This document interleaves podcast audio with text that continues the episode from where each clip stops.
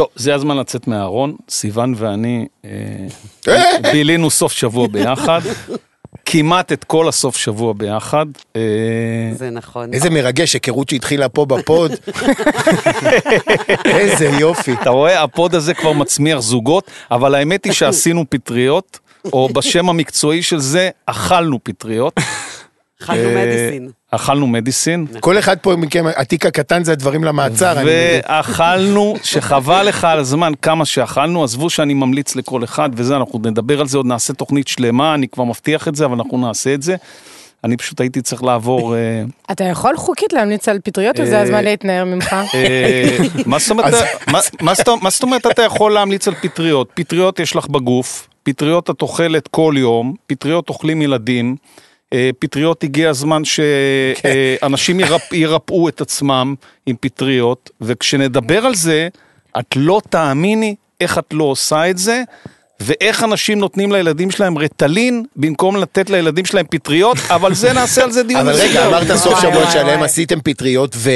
אה, האמת היא הוא רק רצה שסיוון, להגיד את זה. לא לא אני כבר אמרתי לא, את זה לא. אלף פעם, האמת היא שזה היה לי הכי משמעותי מכל הפעמים שעשיתי פטריות, Mm. אה, לא עשיתי המון, אבל מכל הפעמים זה היה הכי משמעותי, וסיוון אמרה לי, האינטגרציה הכי חשובה, מה זה אינטגרציה? זה כאילו, איך מפרשים את זה, אז אה, את זה עוד לא עשינו, אבל בואו נתחיל, יאללה מתחילים. טוב, לא הבנתי כלום, אבל בסדר, לאט לאט.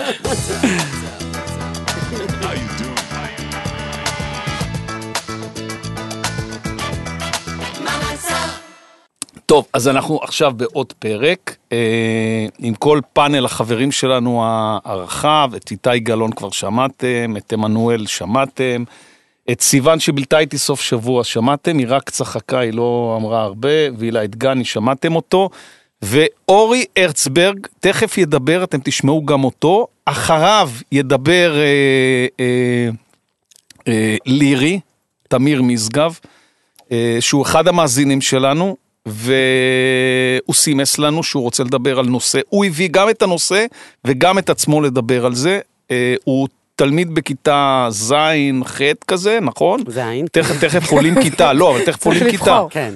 אז אני אומר ז', ח', תכף עולים כיתה, והוא הולך לדבר על נושא שאותי גם הטריד כילד, אה, כשאתה נמוך ורזה, בגיל הזה, ומשרד הבריאות כל הזמן עושה בדיקות גדילה והשמנה, אז זה גם מעליב את האנשים שהם אה, אה, עם הרבה משקל, זה גם מעליב את האנשים שהם עם מעט משקל, זה גם מעליב את האנשים שהם נמוכים.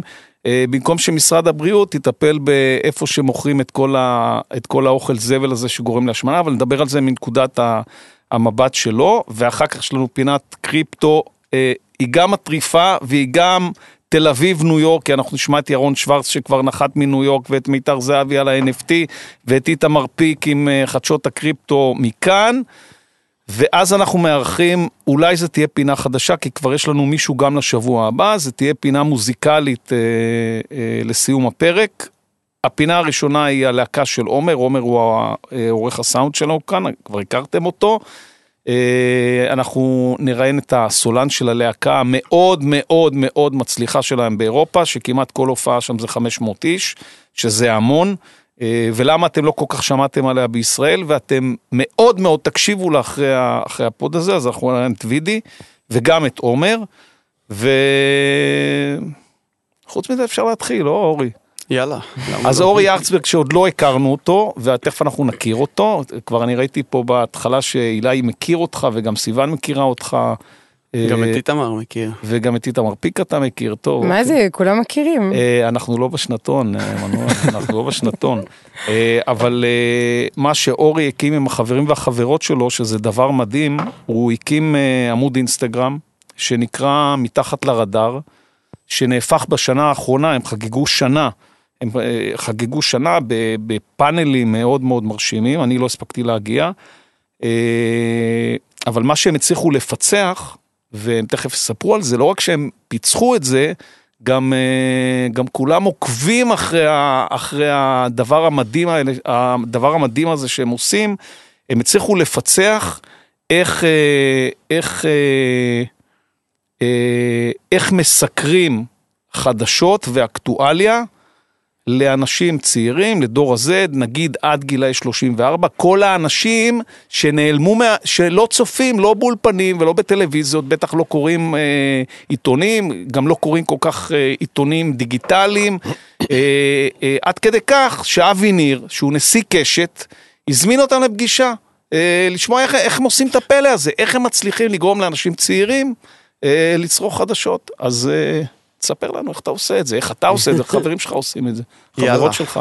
אה, אולי נתחיל בעצם מה- מההתחלה, אני חושב. תתחיל מאיפה שאתה רוצה. של למה בכלל אני עושה את זה. אה, בן כמה אתה? קודם כל אני בן 22 אה, מתל אביב, באמת מכיר פה את החבר'ה, אותו שנתון, מכיר את סיוון, גם אותו שנתון. וואי וואי איך הרמת כן. לה עכשיו. אני רק נראית באותו שנתון. אני לא באמת באותו שנתון. תראה איך היא מרימה לעצמה. תראה איך היא אני רק מרימה נראית לעצמה.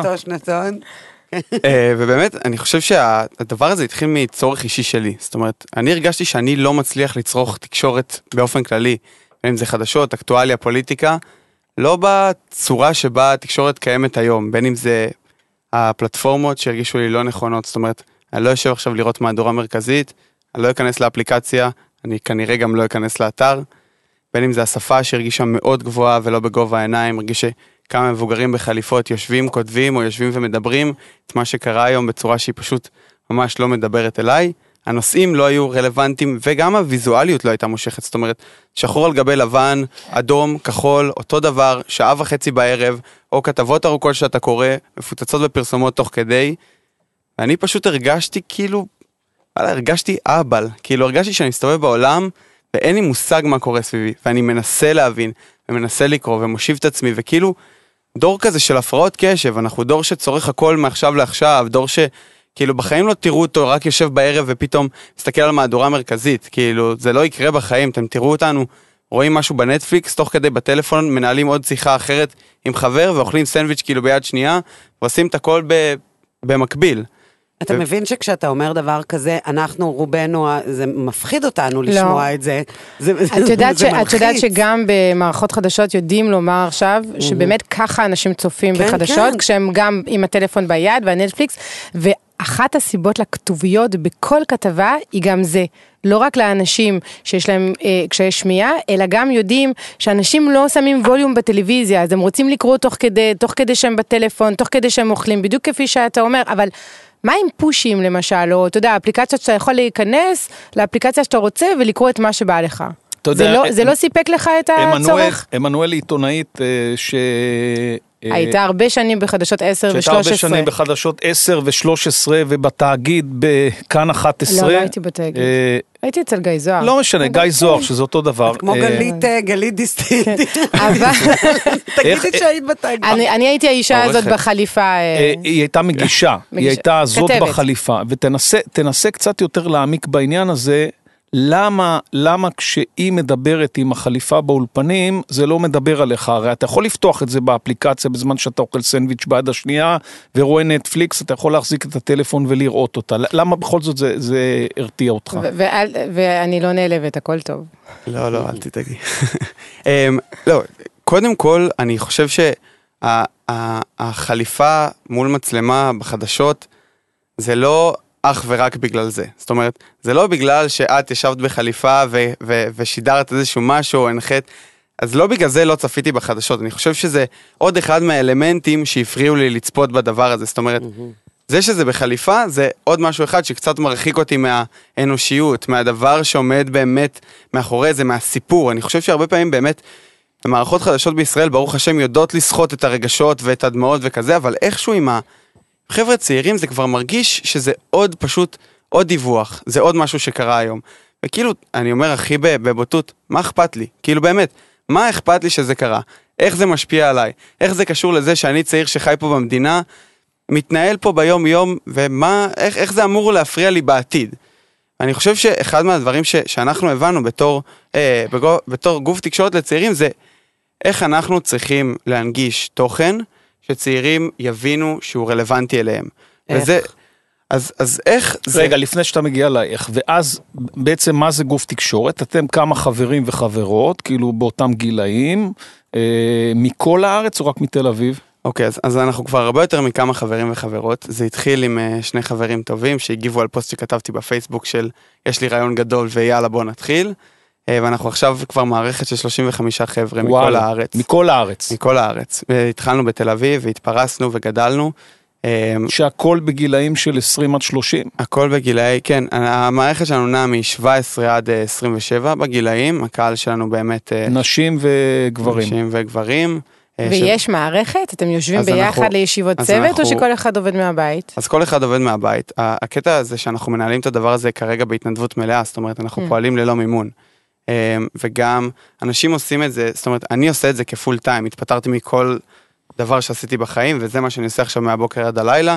כנ"ל שני המנהלים שמנהלים את זה כרגע יחד איתי, אה, איתי ואביגיל, אבל, אבל הצוות שלי עושה את זה, זאת אומרת, כאיזשהו אה, משהו שהוא עושה בצד, זה חבר'ה שאו באמת מאוד מאוד אוהבים ומתעניינים בתקשורת, או חבר'ה, או חבר'ה שבאמת אה, מבינים את המהות של הדבר והמטרה ולמה קמנו ולמה צריך גוף תקשורת לצעירים, אה, וחלק כמובן הם כזה במשרה שהיא משרה, כן, אבל קצת יותר מלאה, וחלק כזה כותבים כתבה פעם פה, פעם שם, אבל בגדול, אני רוצה רגע, ורגע, וזה באינסטגרם? הכל באינסטגרם, נכון? הכל בעמוד שלכם באינסטגרם. כרגע הכל באינסטגרם, אנחנו מייצרים עכשיו, התחלנו לייצר אה, ליין אירועים שהוא פרונטלי, זאת אומרת להוציא את התוכן שלנו גם לחיים האמיתיים. איך? פאנלים? אה, מפגשים? כן, מפגשים, כמו שעשיתם פאנלים, ביום השנה. אירועים, בדיוק. ואתם מודיעים עליו בעמוד האינסטגרם שלכם. מודיעים בעמוד אז רגע. לפני שאתה עונה לאיתי, תענה לסיוון על שאלה שהיא שאלה אותך קודם. מה ש- שאלתי? איך בעצם, גורמים לצעירים להבין איך שזה אתה רלוונטי. גורם לצעירים להבין שכשאתה מדווח על טרור זה רלוונטי להם, כשאתה מדווח על נפילת הממשלה זה רלוונטי, בחירות זה רלוונטי, אני- כלכלה זה רלוונטי. איך אתה עושה את זה בעצם? איך אתם עושים את זה? אז, אז אני חושב, זה כאילו, זה מאוד אינדיבידואלי. אני אגיד שבגדול יש כמה דברים שאנחנו עושים באופן קבוע, שהם דברים שגם כבר ככה מחברים צעירים. קודם כל, הדבר הראשון זה זה שאנחנו נמצאים באינסטגרם. צעירים בישראל, בטווח הגילאים שאנחנו פונים אליו, נמצאים באינסטגרם, זה דבר אחד. הדבר השני זה שהטקסטים שלנו הם מאוד קצרים. לא תראה טקסט אצלנו שהוא מעל 350 מילים, הוא כתוב בגובה העיניים, נכתב כולו על ידי צעירים, הוא מאוד רלוונטי. זה עוד דבר. הדבר השלישי זה הוויזואליות של הדבר. הכל מאוד יפה אצלנו, יש לנו גרפיקאית, טל, סופר מוכשרת, שעבדה על הכל כאילו ממש בקפידה, ואנחנו כל הזמן בתקשורת עם הקהל, זאת אומרת, אנחנו מבינים מה הם צריכים, מה הצעירים רוצים לצרוך. אז זה שנייה, זה הדבר הראשון. באלמנט של להבין, אה, לגרום לצעירים להבין למה הם צריכים לקרוא את הדבר הזה, זה פשוט מאוד צריך לשדר קודם כל את זה שאנחנו נמצאים כולנו באיזושהי סיטואציה אחת, אנחנו נמצאים באותה, באותה סירה, אנחנו כולנו חיים פה במדינה, ואין לנו מושג מה קורה סביבנו, ואנחנו צריכים לדעת. אז איך גורמים לצעירים לדעת? אנחנו פשוט באים עם כל מיני דברים שהם נוגעים בחיי היום-יום של צעירים. לצורך העניין, הזכרת פה קריפטו בהתחלה, אז אני הולך לתחום של כסף. צעירים לא מבינים כלום בכלכלה, כלום. עכשיו, בשנים האחרונות, טיפה יותר באמת עם כל המטבעות הדיגיטליים, זה נכנס קצת יותר ל... לזה. אז, אז לצורך העניין, אנחנו עושים אה, פוסטים על אה, כלכלה, ואני יכול לבוא ולהגיד לצעיר, עזוב, אני לא הולך להסביר לך עכשיו מה הפנסיה שלך ואיך זה הולך להשליך, כי, כי יכול להיות שאני יכול להסביר את זה, אבל כאילו, זה יהיה מאוד קשה לתפוס את זה.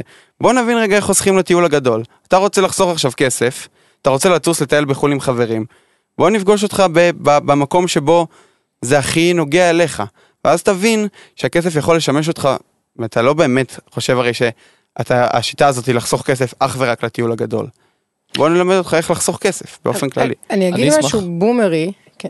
לא, בסדר, דברי, אני אחרייך. אני אה, נכנסתי לעמוד, וגם שמעתי לעמוד עליו. לעמוד באינסטגרם. לעמוד מתחת לרדאר באינסטגרם כדי לראות ולהבין ולהכיר וגם שמעתי שדיברתם עליו פה עם אה, מיקי חיימוביץ' שאמרה שהיא עוקבת. כן, היא הגיעה לאירוע. וכשהייתה פה בפודקאסט. הגיע לאירוע של אז- השנה, הגיעה נכון. לאירוע, נכון, היא גם. דיברה עליכם פה, כן, שהייתה אז, פה. אז, אז שמעתי אותה מדברת על זה, אז התעניינתי ונכנסתי לראות, וגם עכשיו לקראת השיחה איתך. ואני אגיד משהו נורא בומרי, אני לא הבנתי כלום. אני חיפשתי חדשות, עדכונים, ולא הבנתי בעצם מה... ראיתי הרבה סיפורים מעניינים, אבל לא הצלחתי להבין מה מזה הם חדשות, מה מזה הם אקטואליה. אז האם יש לכם איזה קו מערכתי שאתה אומר, נגיד, אוקיי, פיגוע חייבים לדווח, או אה, אני יודעת מה, אה, בחירות אה, במקום הזה או הזה בעולם חייבים לדווח, או שזה רק מה שקורה בארץ, או שזה רק דברים אה, ביטחוניים בלי מדיני, תאונות דרכים, חברתי, כלכלי, איך אתם מחליטים מה כן, מה לא, ו... ואיזה מידע אתם אה, דואגים להנגיש לצעירים? אני גם אשמח להתייחס לזה, האמת. כן, בתור... אז אה, רגע, אז רגע, תתן לו קודם להתייחס ואז תיתן השלמה. אז, אז קודם כל, זו שאלה טובה. לגבי זה שלא הבנת כלום, אני אגיד זה לך... כי אני לא מדור הזי. אז, אז זהו, אז אני אומר כאילו, זה... את לא זה- קהל זה- היעד. זהו, זה, זה מבאס. סיוון, בבקשה. קודם כל אני יכול לעשות אחרי זה שטוטוריאל בחוץ, אבל, אה, אבל באמת מה, מהבחינה הזאת, זה כאילו לא, אני באמת, הקהל שלי הוא סופר מבין מה אני, מה אני מייצר בתוך, ה, בתוך הפלטפורמה. הוא יודע בדיוק איפה לחפש ומה, והוא מבין, הוא מבין בדיוק איך הכל עובד. זה הדבר הראשון. הדבר השני באמת, יש לנו ממש, זאת אומרת, אנחנו עובדים באופן שהוא מאוד מאוד מסודר. יש לי צוות uh, חדשות, שזה מה שהוא עושה, בעצם מדווח על הדיווחים. יש לנו קו מערכתי מאוד ברור, זאת אומרת, מה הדברים שצריך לדווח עליהם ומה לא.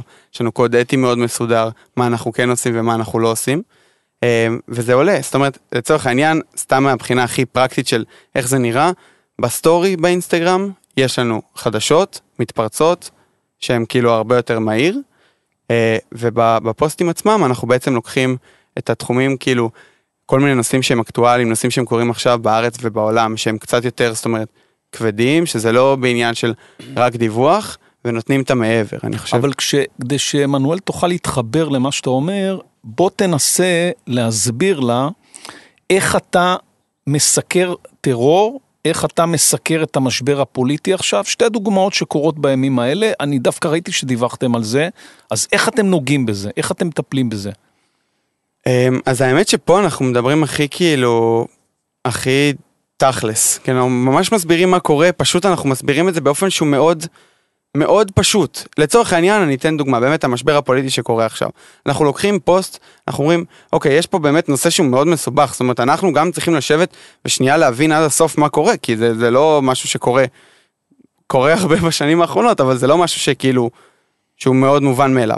אז צריך פשוט שנייה, אנחנו יושבים ומבינים איך אנחנו היינו רוצים לצרוך את המידע הזה. זאת אומרת, איך אני הייתי רוצה לקבל את המידע הזה, ואז אנחנו כותבים אותו באמת לידי פוסט שהוא באמת מאוד פשוט. הוא קצר, המילים שלו מאוד פשוטות, השפה היא בגובה העיניים, אנחנו פשוט מסבירים הכי בתכלס, אין פה איזושהי שיטה מיוחדת. הכי דוגרי, הכי בגובה העיניים, תקשיבו, זה מה שקורה עכשיו. רוצים לדעת עוד? בואו תשאלו אותנו שאלות. שואלים אותנו, שולחים לנו הודעות באינסטגרם, אנחנו שמים כזה, יש פיצ'ר של האינסטגרם של תיבת שאלות, בואו תשאלו, אתם רוצים לדעת עוד? מה בא לכם לדעת על מה שקורה עכשיו? איזה שאלות שבתקשורת ראיתם כל מיני דברים שקורים, איזה שאלות התקשורת לא ענתה לכם, לכם אה, עליהן. זאת אומרת, יש הרבה מאוד דרכים אה, כדי להנגיש את הדברים האלה, אבל בתכלס, כאילו הדרך הכי, הכי הכי פשוטה, היא פשוט להגיד את האמת ובגובה העיניים. עצם זה שאנחנו אה, באינסטגרם ועושים דברים באופן שהוא, שהוא פשוט וויזואלי, זה, זה כבר עובד. אנשים שרוצים את האקסטרה, אנחנו משוחחים איתם על זה. אתה יודע, אני, אני משהו חייב להגיד, כי גם, זה איתי. גם סיוון וגם אלדד הציגו אתכם כאיזושהי אופציה לצעירים. אני בן 50, זה לא צעיר בשום צורה, אה, ואני אה, חושב שמה שאתם עושים הוא, הוא הזדמנות ענקית. אה, לצריכת חדשות אחרת גם לאנשים בגיל שלי, חד משמעית. מהסיבה הפשוטה שאני לא מסוגל, לא מסוגל, כבר דיברנו על זה אלדד ואני אולי אלף פעם, לא מסוגל לראות חדשות. עכשיו כמוני, מסתבר בנתוני הרייטינג, יש עוד המון אנשים. כי אה, אה, זה לא סתם שאני לא זוכר אם גם קשת וגם רשת, חברות החדשות הלכו, למ, ל, אה, ביקשו להוריד, את ה- לקצץ את המהדורה, להאריך את ה... לא, לא הן ביקשו. אה, ביקשו מהם, הציבור ביקשו ביקש, מהם. הציבור ביקש, אוקיי. אוקיי, אבל, אבל הם מתנגדים לזה. כן, העניין הוא ש... ברור, ברור. אני, מה שקרה, אני, אני את החדשות שלי צורך בטוויטר, נקודה, אין שום מקום אחר. אני לא מסוגל יותר לראות דיווחים שנייה, שנייה, ארוכים. למה אתם לא נכנסים לטוויטר? כי צעירים לא נמצאים בטוויטר? ולטיק טוק? שנייה. לשם הלכה השאלה שלי בדיוק. אז, אה, אז קודם כל, טוויטר פחות רלוונטי, הוא רלוונטי מאוד לעולם העיתונאי, זאת אומרת, כאילו, כדי ש... אוקיי. שעיתונאים וגופי תקשורת ידעו שאני קיים, ואנחנו גם נגיע לזה מתישהו. טיק טוק אגב, זה ממש השלב הבא, זה קורה בעוד זה, וואי, זה מדהים. שבועות אחדים. זה קורה. אתם תעלו לטיקטוק, מתחת לרדאר יעלה לטיקטוק. ממש עוד רגע, כבר, אה, אנחנו כבר על זה, זאת אומרת... כי אה, הדור שלכם הוא. באמת שם, נכון? הוא לא רק באינסטגרם. כן, זה בול, זה זה ממש בול. בול. שנייה, שאל תדברו ביחד. זה ממש בול אה, מי שאנחנו ומה שאנחנו אה, מייצרים. פשוט באמת, אה, טיק טוק זה, זה, זאת אומרת, אנחנו כרגע באמת פיצחנו את, ה, את השיטה לאיך להגיע לצעירים דרך אה, טקסט. אה, ואנחנו באמת, חשוב לנו מאוד אה, המוצרים שאנחנו עולים איתם, שהם באמת יהיו בצורה הטובה ביותר, אנחנו עושים כזה, עשינו סקר שוק ענק גם על, ה, גם על האינסטגרם וגם עכשיו באמת על הטיק טוק. מה, אה, איך אנשים רוצים שתגישו להם את זה? איך, בדיוק, איך צעירים רוצים לצרוך תוכן, שזה מה שאני חושב אגב שאף גוף תקשורת בארץ זה לא עשה. חשיבה שאין באף גוף תקשורת, לא, זה לא מבין? נכון. לא, עושים סקרי. דעת קהל כל הזמן, זה זה לא אבל מדויק. תראי, מה יושב בן. אדם, לא אדם ואומר לא לך שהוא. רואה שמה, וזה זה מדהים, כי יושב בן אדם, אומר לך, אני לא יכול לשמוע את אותן פרשנויות עתיקות מאנשים בחליפות. עכשיו, אני לא אומר, אני לא אומר שזה לא, יש לזה מקום, וכל אחד כנראה יצרוך כמו שהוא רוצה, אבל אני... אמ, יכול להיות ש... אני לא יודע, יכול להיות שאני איזה אה, אחר, אבל אני חושב, אצלנו בבית אין, לא רואים חדשות. אף אחד לא רואה מהדורה מלאה, ואני אגיד לך גם, אני בתור עיתונאית, אני זוכרת פעם מפיקה נכנסה לדסק והיא אמרה, בואנה, ראיתי מהדורה שלמה, זה נורא ארוך ומשעמם, כן, מפיקה בחדשות. אבל אני כן רוצה להגיד שמה שכן בולט אצלכם בעמוד אינסטגרם מתחת לרדאר זה הוויזואליות. יש לכם שפה ויזואלית מאוד מאוד ייחודית, ושהיא כן מאוד מאוד נעימה וקלה לצפייה. ואני, כששאלתי קודם על התוכן, זה לא כי אני מזלזלת חלילה, זה לא, אני ברור. רוצה להבין, אבל יש לי עוד שאלה, ואני חושבת שזה גם הבדל גדול בין מה שאתם עושים למה שעדיין קורה באולפנים ובעיתונים. אתם מחשיבים את עצמכם עיתונאים? זאת אומרת, יש, אתם גם בשטח, או אתם נגיד שאתם מדווחים פוליטיקה, יש לכם קשר עם פוליטיקאים, אתם מביאים ידיעות שלכם? אוקיי, אז, אז קודם כל, לאט ולאט לאט אנחנו כן יותר ויותר, זאת אומרת, אנחנו עוד לא שם ברמה הזאת. אני יכול להגיד לך, אנחנו לא עיתונאים, זאת אומרת, אין לאף אחד מאיתנו תעודת עיתונאי כרגע, אין לנו, זאת אומרת, אנחנו כן רוצים להיות שם, זה כן משהו שמעניין אותנו, אבל אין לי מספיק, זאת אומרת, כרגע גם לא פסיליטיז וגם לא מימון בשביל לשלוח כתבים לכל מיני מקומות. אז כרגע באמת, אנחנו לא נמצאים שם. סליחה שאני מעיר לך על זה, אתה, אתה רוצה מימון? אתה, כשאתה אומר כל הזמן אין לי מימון, אין לי מימון, אתה רוצה מימון? אתה שוקל לעשות אדסטארט, אתה שוקל בוודאי, אה, אני- להביא מממנים? חד משמעית. אני, תשמע, את זה, אני עושה את זה, התפטרתי מהעבודה שלי בשביל לעשות את זה. אבל אתה מבין שהם ירצו גם להשפיע. אתה כן. מבין ש... אני כבר, אני כבר מבין, אני כבר מבין בתוך. התהליך הזה תקופה, זאת אומרת, אני, אני מכיר את הנפשות אלא- הפועלות. אלא אם רגע, כן- למה אתה אומר את זה? אלא אם כן אתה תייצר מערכת מבוזרת. אם אתה, אבל מערכת מבוזרת היא בנויה על מימון המונים ולא על מימון נכון. של אה, גופים. למה אתה אומר שהם ירצו להשפיע, אלדד? מי ירצה להשפיע? המממנים? המממנים. בוודאי. אבל מה? אם, אם הוא מגייס עכשיו מאנשים כמוני, כמוך, כמו סיוון, אמרתי, מימון המונים או זה או הוא זה. מבוזר. או, אוקיי, מימון אוקיי. שהוא לא מימון המונים הוא לא מבוזר. אבל אילי רצה לשאול משהו, כן. לא, לא רציתי לשאול, אני רציתי לחזק את הנקודה קודם, אה, את הנקודה שלך קודם וגם אה, לענות לעמנואל, את הנקודה של מי? אה, של אה, של אורי. כן. אה, אני חושב שחלק מה, מהיופי בדבר הזה, בתור, אה, רם. בתור עוקב ממש מהיום הראשון, אני ממש זוכר את היום שפתחתם את זה ואף אחד לא בדיוק הבין מה זה עדיין. אה, אני יכול להגיד שחלק מה, מהכיף בזה, זה שבגלל שאנחנו לא בהכרח צורכים חדשות באופן המסורתי כביכול, יש בזה משהו מאוד נוח ונעים, שבזמן שאת מגוללת בפנאי שלך, בפיד של דברים שאת אוהבת, קופץ לך משהו צבעוני עם איזשהו אייטם אקטואלי חדשותי כלשהו שהוא קצר והוא נגיש והוא יפה והוא נעים. אה, וכמובן שאחר כך גם כל אחד, את רואה נושא שמעניין אותך, זה לא בעיה ללכת להמשיך להתעמק בו או, או לשלוח הודעה לעמוד. אה, וגם אה, לגבי מה שאמרת קודם על פושים, בעיניי זה מאוד בעייתי.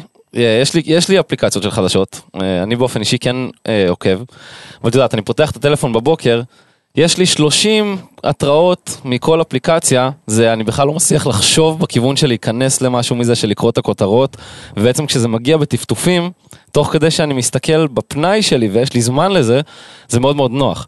אה, ואין אין את ההרגשה הזאת בניגוד לפושים, שכל הזמן מנסים לכלוא אותך בתוך האפליקציה כדי לראות את הפרסומות. לא, את כבר שם, את רואה את זה. את יכולה להיכנס גם לראות הכל באופן קצת יותר מסודר, או פשוט באופן השוטף, שזה נורא נורא כיף, ואני חושב שהדבר הכי חשוב שאתם עושים במתחת לרדאר, הוא מעבר לדיווחים על הפרטים עצמם, הוא אה, יצירת התודעה סביב הנושאים. זאת אומרת ש... אורי, מה- מה מה ה vision שלכם לשנה הקרובה? אה, נניח בשנה הראשונה רציתם אה, להתבסס, ועכשיו אתה אומר שהוצאתם קצת, אה, הוצאתם קצת תוכן לחיים עצמם, נכון. אבל מה ה vision שלכם, חוץ מלהיכנס לטיקטוק, כי אתם תיכנסו בטח בשבועות הקרובים, מה- נניח שנחגוג שנתיים ונשב פה ונדבר, מה, מה אתה רוצה לסמן ווי? אז מתחלק לשני נושאים. הנושא הראשון זה באמת להגדיל נוכחות והשפעה ברשתות החברתיות. יותר עוקבים? יותר עוקבים, יותר פלטפורמות. אה, מה עוד פלטפורמות חוץ מטיק טוק ואינסטגרם? שאתה אומר עוד פלטפורמות, אה, פודקאסטים, אוקיי. זה עולם שהוא רק הולך ומתחזק אצל צעירים. אוקיי. אה, וגם בסוף איזשהו נכס דיגיטלי שהוא מותאם, זאת אומרת איזשהו אתר ואפליקציה שהם גם אה, עובדים אצל צעירים. זה מהבחינה הזאת, שנייה של האונליין. ומהצד השני באמת אני, אנחנו הולכים על, על הכיוון של, של קהילה ויצירת אירועים. לקחת את מה שאנחנו עושים באופן מקוון, שכרגע באינסטגרם, שמאוד נוח לעשות אותו גם על לשבת במסך ולעשות לייק זה לא קשה. אנחנו רוצים לקחת את הקהל הקצת יותר מעורב שלנו, ולגרום לו להיות עוד יותר מעורב. ומה לעשות איתו? מה יש במפגשים האלה? אוקיי, אז זה באמת, זו שאלה טובה, כי המפגשים האלה יכולים ללכת להרבה מאוד מקומות. אה, זה קודם כל באמת מפגשים של תוכן, ומפגשים לשם המפגשים. תן דוגמה מה, מהציון שנה שעשיתם, זהו, איזה עשינו- סוג של מפגשים עשיתם? אז עשינו שבוע, שבוע שעבר ביום שישי אירוע שנה של מתחת לרדאר, אה, באוזן החדש, היה ממש מהמם. חילקנו את המפגש ל, אה, לשני חלקים, החלק הראשון היה כמו הרצאות TED מאוד מאוד קצרות, קול של חבר'ה צעירים שבאו לדבר על פוליטיקה, על אקטואליה, על משבר האקלים, ואז עשינו חלק שני שהיה בו פאנלים, אה, פאנל של תרבות, של יוצרים ויוצרות צעירים שסיפרו, הכותרת הייתה אה, תרבות ככלי לשינוי חברתי. איך אנחנו בעצם משתמשים במה שאנחנו עושים, במי שאנחנו, אה, כדי לעשות איזשהו שינוי בחברה, בבעיות שמפריעות לנו. כמו? איזה, איזה בעיות אה, אנשים כאילו העלו כבעיה שמפריעה להם, שנוגעת להם? אני חושב שאחד הדברים המאוד מאוד בולטים אה, זה דימויי גוף אה, של צעירים וצעירות מכל מיני מקומות. זה כן, יכול- אנחנו תכף נדבר על זה עם כן, אה, זהו, לירי הבנתי תמיר. שהוא, אבל, כן. אבל בגדול זה, זה הרוב וזה אצל נשים, אבל יש בזמן האחרון גם הרבה מאוד גברים שמתעסקים בזה. אה, אז זה דבר אחד נגיד שהוא מאוד, זאת אומרת הוא מאוד מאוד שם. אני חושב שבאמת גם, אה, גם, גם כל מיני דברים שהם, השינוי בא בהנגשה של התוכן שעליו מדברים, קצת כמו מה שאנחנו עושים במתחת לרדאר עם תקשורת, שאנשי תרבות עושים את זה על, אה, על, על דברים אחרים, זאת אומרת הם לוקחים כל מיני נושאים מעולם ומנגישים את זה דרך איזושהי דמות שהם, דרך, אה, דרך הסושיאל שלהם, דרך המון דברים, סתם לצורך העניין, יש זמר שנקרא דימה אקסר, זמר ממש ממש מוכשר, אה, שהוא הגיע, הוא משחק דמות של, שקוראים לו דימה, הוא בעצם קוראים לו אלעד, ברח לי עכשיו השם משפחה, אבל, אקסר. אלעד אקסר בדיוק, אלעד דימה אני חושב. כן. אבל, אה, אבל הוא בעצם אה, בחור מזרחי שלוקח את, ה, את הטיקט הזה, זאת אומרת הוא משחק על הדבר הזה, והוא כאילו אומר שכדי שיקשיבו לו אז בעצם הוא משחק איזושהי דמות רוסית שצוחקת על דברים והוא לקח לעצמו איזושהי דמות שיהיה הדבר הזה. זאת אומרת זה שהוא מזרחי, אז, אז בתכלס זה גם אחת הסיבות שאנחנו הבאנו אותו לפאנל, אז הוא אומר אני, עצם זה שאני מזרחי, משחק פה את זה שהבאתם אותי לפאנל. זאת אומרת, אם לא הייתי מזרחי, כנראה לא הייתם מביאים אותי, או הייתם מביאים מישהו אחר על התקן הזה. ואני אומר, ב- בפה גלוי, כאילו, אנחנו מנסים לייצר את הדבר הזה, אנחנו מנסים לייצר את השיח הזה.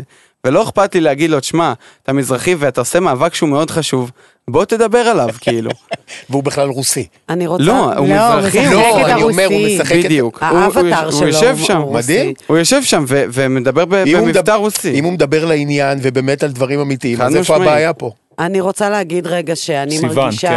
אני עוקבת אחרי מתחת לרדאר אה, באמת אה, כמו אילי מיום, אה, מיום היווצרם. אה, כי הבנים שלי הם בגיל המתאים, הגיל הזה, אה, אבל אצלנו בבית עוקבים אחרי מתחת לרדאר גם מגיל 13 בעצם עד, גם אנחנו בתור מבוגרים. ואני... אחד הדברים שדיברת עליהם מקודם, עמנואל, שבאמת אנחנו כאילו, אנחנו לא מבינים את זה. אני חושבת שיש פה משהו שאני ממש במודע רוצה להמשיך לא להבין את זה. כאילו זה כל כך חשוב לי, הדבר הזה, שיש פה משהו שמבחינתי אורי פיצח. אמ, קצת כמו, סליחה שאני נתלית באילנות, אני לא יודעת אם הם גבוהים או משפילים, אבל קצת כמו שצוקרברג פיתח בזמנו, שזיהה את הצורך הזה ברשת חברתית ואמר, שני חבר'ה בקולג' בוא, נ- בוא נעשה משהו שבסוף יצ... קרתה ממנו המפלצת הזאת. אז אני חושבת ש... יש משהו מאוד מאוד מעורר השראה בלהגיד, אנחנו לא רוצים להיות כמוכם, אנחנו, אנחנו לא רוצים לעשות את מה שההורים שלנו עשו. וכשאני נכנסת למתחת לרדאר, ואני מסתכלת ואני אומרת, איזה קטע, זה ממש אחרת ממה שאני חושבת שכאילו צריך לצרוך אה, חדשות, זה משמח אותי, את מבינה מה אני אומרת? לגמרי, אני, כן. אני, אני מתבאסת כן. שאני לא מבינה כן, מה... מתבאסת ושמחה. זה לא, זה לא שאני, עוד פעם, לא מזלזלת, אני מתבאסת שאני לא מבינה את מה שאני רואה עדיין, אני, ואני אתמיד ואני אבין, כן? אבל אני חושבת שגם ההבדל המאוד גדול בין אולפנים ומערכות חדשות לבין מה שאתם עושים, זה ש... אתם לא חייבים למלא שעה וחצי של מהדורה או שעה ורבע, ואתם גם לא צריכים למלא שש שעות של אולפני אקטואליה שחוזרים על אותם נושאים כל הזמן, ואתם יכולים לבחור את התוכן שלכם. לגמרי. ולכן אני רוצה לשאול, אחרי שנה של פעילות, אה, אתה כבר אמרת גם שאתה כל הזמן בוחן את הקהל שלך ולמה הוא מגיב יותר ומה פחות, אז אתה יכול להגיד לנו מה בעצם הדור שלך רוצה אה, לקרוא עליו, מה מעניין אותו, זה יותר, אתה יודע, אתן לך דוגמה, פעם אמרו לנו בחדשות בזמנו, שעשו סקר אה, דת קהל וראו שלפתוח עם המדיני פוליטי זה לא מעניין את הצופים, צריך אה, לפתוח עם כל מה שצרכני. ואז מהדורות חדשות, איזה תקופה נפתחו ככה באמת. אז מה, מה מעניין את הקהל שלך, איזה סוג של נושאים? אני אומר הכי בכנות, באמת שהכל, כאילו באמת באמת הכל מעניין אותם, אם, אם עושים את זה בצורה שהיא, שהיא נכונה. מעניינת. כן, אני, אני חושב שיש, שקודם כל אנחנו שמים דגש מאוד גדול, זאת אומרת, המהות שלנו כמתחת לרדאר הוא קודם כל החדשות, האקטואליה, הפוליטיקה, גם בארץ וגם בעולם, ומסביב אנחנו מייצרים גם תכנים שהם מגזינים יותר, תרבות, דעות, אה, שאגב גם הרבה פעמים מאוד, אה, דברים שהם מאוד אקטואליים. אבל קודם כל, אני שם רגע את תרבות בצד, כי תרבות זה עובד לא משנה מה, זאת אומרת, אם אתה לוקח משהו שהוא עכשווי ואתה, ואתה טיפה מספר ומדבר עליו, במיוחד אם זה כל מיני סדרות שקורות עכשיו עם שחקנים שהם צעירים, אז, אז אין מה לעשות, זה מוכר. באמת שפוליטיקה ואקטואליה כ, כשני נושאים, אה, שני תחומים גדולים, הם מאוד מאוד, אה, הם מאוד מאוד מדברים לצעירים. אני אגיד משהו שאני חושב שהוא, כאילו, שנייה, אני חוזר רגע לגופי התקשורת המסורתיים, שאני חושב שאחת התפיסות של אה, גופי התקשורת האלה זה שאו שצעירים לא מעניינים, כאילו, לא, לא מעניינים אותם כל כך, כאילו, לא, אין כאילו איזשהו רצון יותר מדי גדול להגיע לצעירים עכשיו, כי, כי זה קהל שהוא צריך לשנות הרבה מאוד במה שעושים כבר הרבה שנים כדי להגיע לצעירים. צריך לבנות משהו חדש. אני חושב שגם התפיסה של גופי התקשורת שכן פונים לצעירים, זאת אומרת, כל גופי התקשורת שסתם יש אה, את ישראל בידור לדוגמה, או למעריב יש להם גם את אה, TMI, יש כל מיני גופים למיניהם ש, שהם או של גופי תקשורת או שהם גופי תקשורת בפני עצמם, שפונים לצעירים כאל קהל שצורך תוכן שהוא צהוב, רדוד, שטחי, ומעבר לזה שהם מייצרים תוכן שהוא, סליחה, זבל, כאילו באמת ש, שאולי הוא יכול להיות מעניין, כאילו אתה, יש לך clickbait ואתה לוחץ ואתה נכנס ורואה מיליון פרסומות, כאילו, אבל ה, ה, מעבר לזה שהתוכן הוא, הוא תוכן רדוד ולא, ולא מעניין, הם מוציאים גם שם רע לצעירים ב, ב, בתפיסה הרווחת של צעירים כצעירים שצורכים תוכן. אני לא צורך תוכן שהוא, שהוא, לא אכפת לי מי התמזמזה עם מי באיזה מסיבה, כאילו באמת זה ממש לא מעניין אותי. וגופי התקשורת חושבים שזה כן מעניין אותי, וגופי התקשורת עושים על זה כסף. והדבר שכן הם יודעים לעשות זה להשתמש בפלטפורמות הנכונות וב clickbait ובכל מיני תמונות כדי למשוך אותנו הצעירים לדברים האלה. עכשיו זה לא עובד אך ורק על צעירים, אבל אני חושב שבאמת כשפונים לצעירים בהגדרה, פונים לצעירים בדברים שהם רדודים ושטחיים הרבה הרבה יותר מאשר שפונים למבוגרים. כי לא תראו עכשיו פנייה למבוגרים ב... לא אלם, תאמינו... אלם, אלם. בדיוק. בחיים לא תראו דבר כזה. טוב, אורי, רגע, אני אתה- יכולה שאלה כן, אחרונה? כן, אחרונה. בטח, אה, בטח, בטח. לגשת אה, לדור שלך, לדור ה-Z, ולעניין אותו בחדשות בדרך אחרת. אתה חושב שיש עוד דרך לפצח את זה בטלוויזיה, או שטלוויזיה זה מדיום שהוא אבוד? טל- טלוויזיה slash וידאו. לא, וידאו באינסטגרם אפשר, וידאו- וידאו בטיקטוק אפשר, אני ממש שואלת בטלוויזיה, אתה יושב ואתה מדליק את הטלוויזיה, אתה רואה תוכנית, או חצי תוכנית, יש אפשרות אז- כזאת? אז בטלוויזיה בצורה שמתקיימת היום לדעתי אין שום סיכוי. לא שמתקיימת היום. יש לך, אתה חושב, דרך לפצח את הדבר הזה? יש לך vision שאפשר להעביר... הוא לא יגלה אה, לכם. או שנייה, ש- שנייה, שנייה, סיוון. למה שהוא יגלה לכם? סיוון, את רוצה להיות סוכנת שלו, סבבה. אה, האם יש לך vision?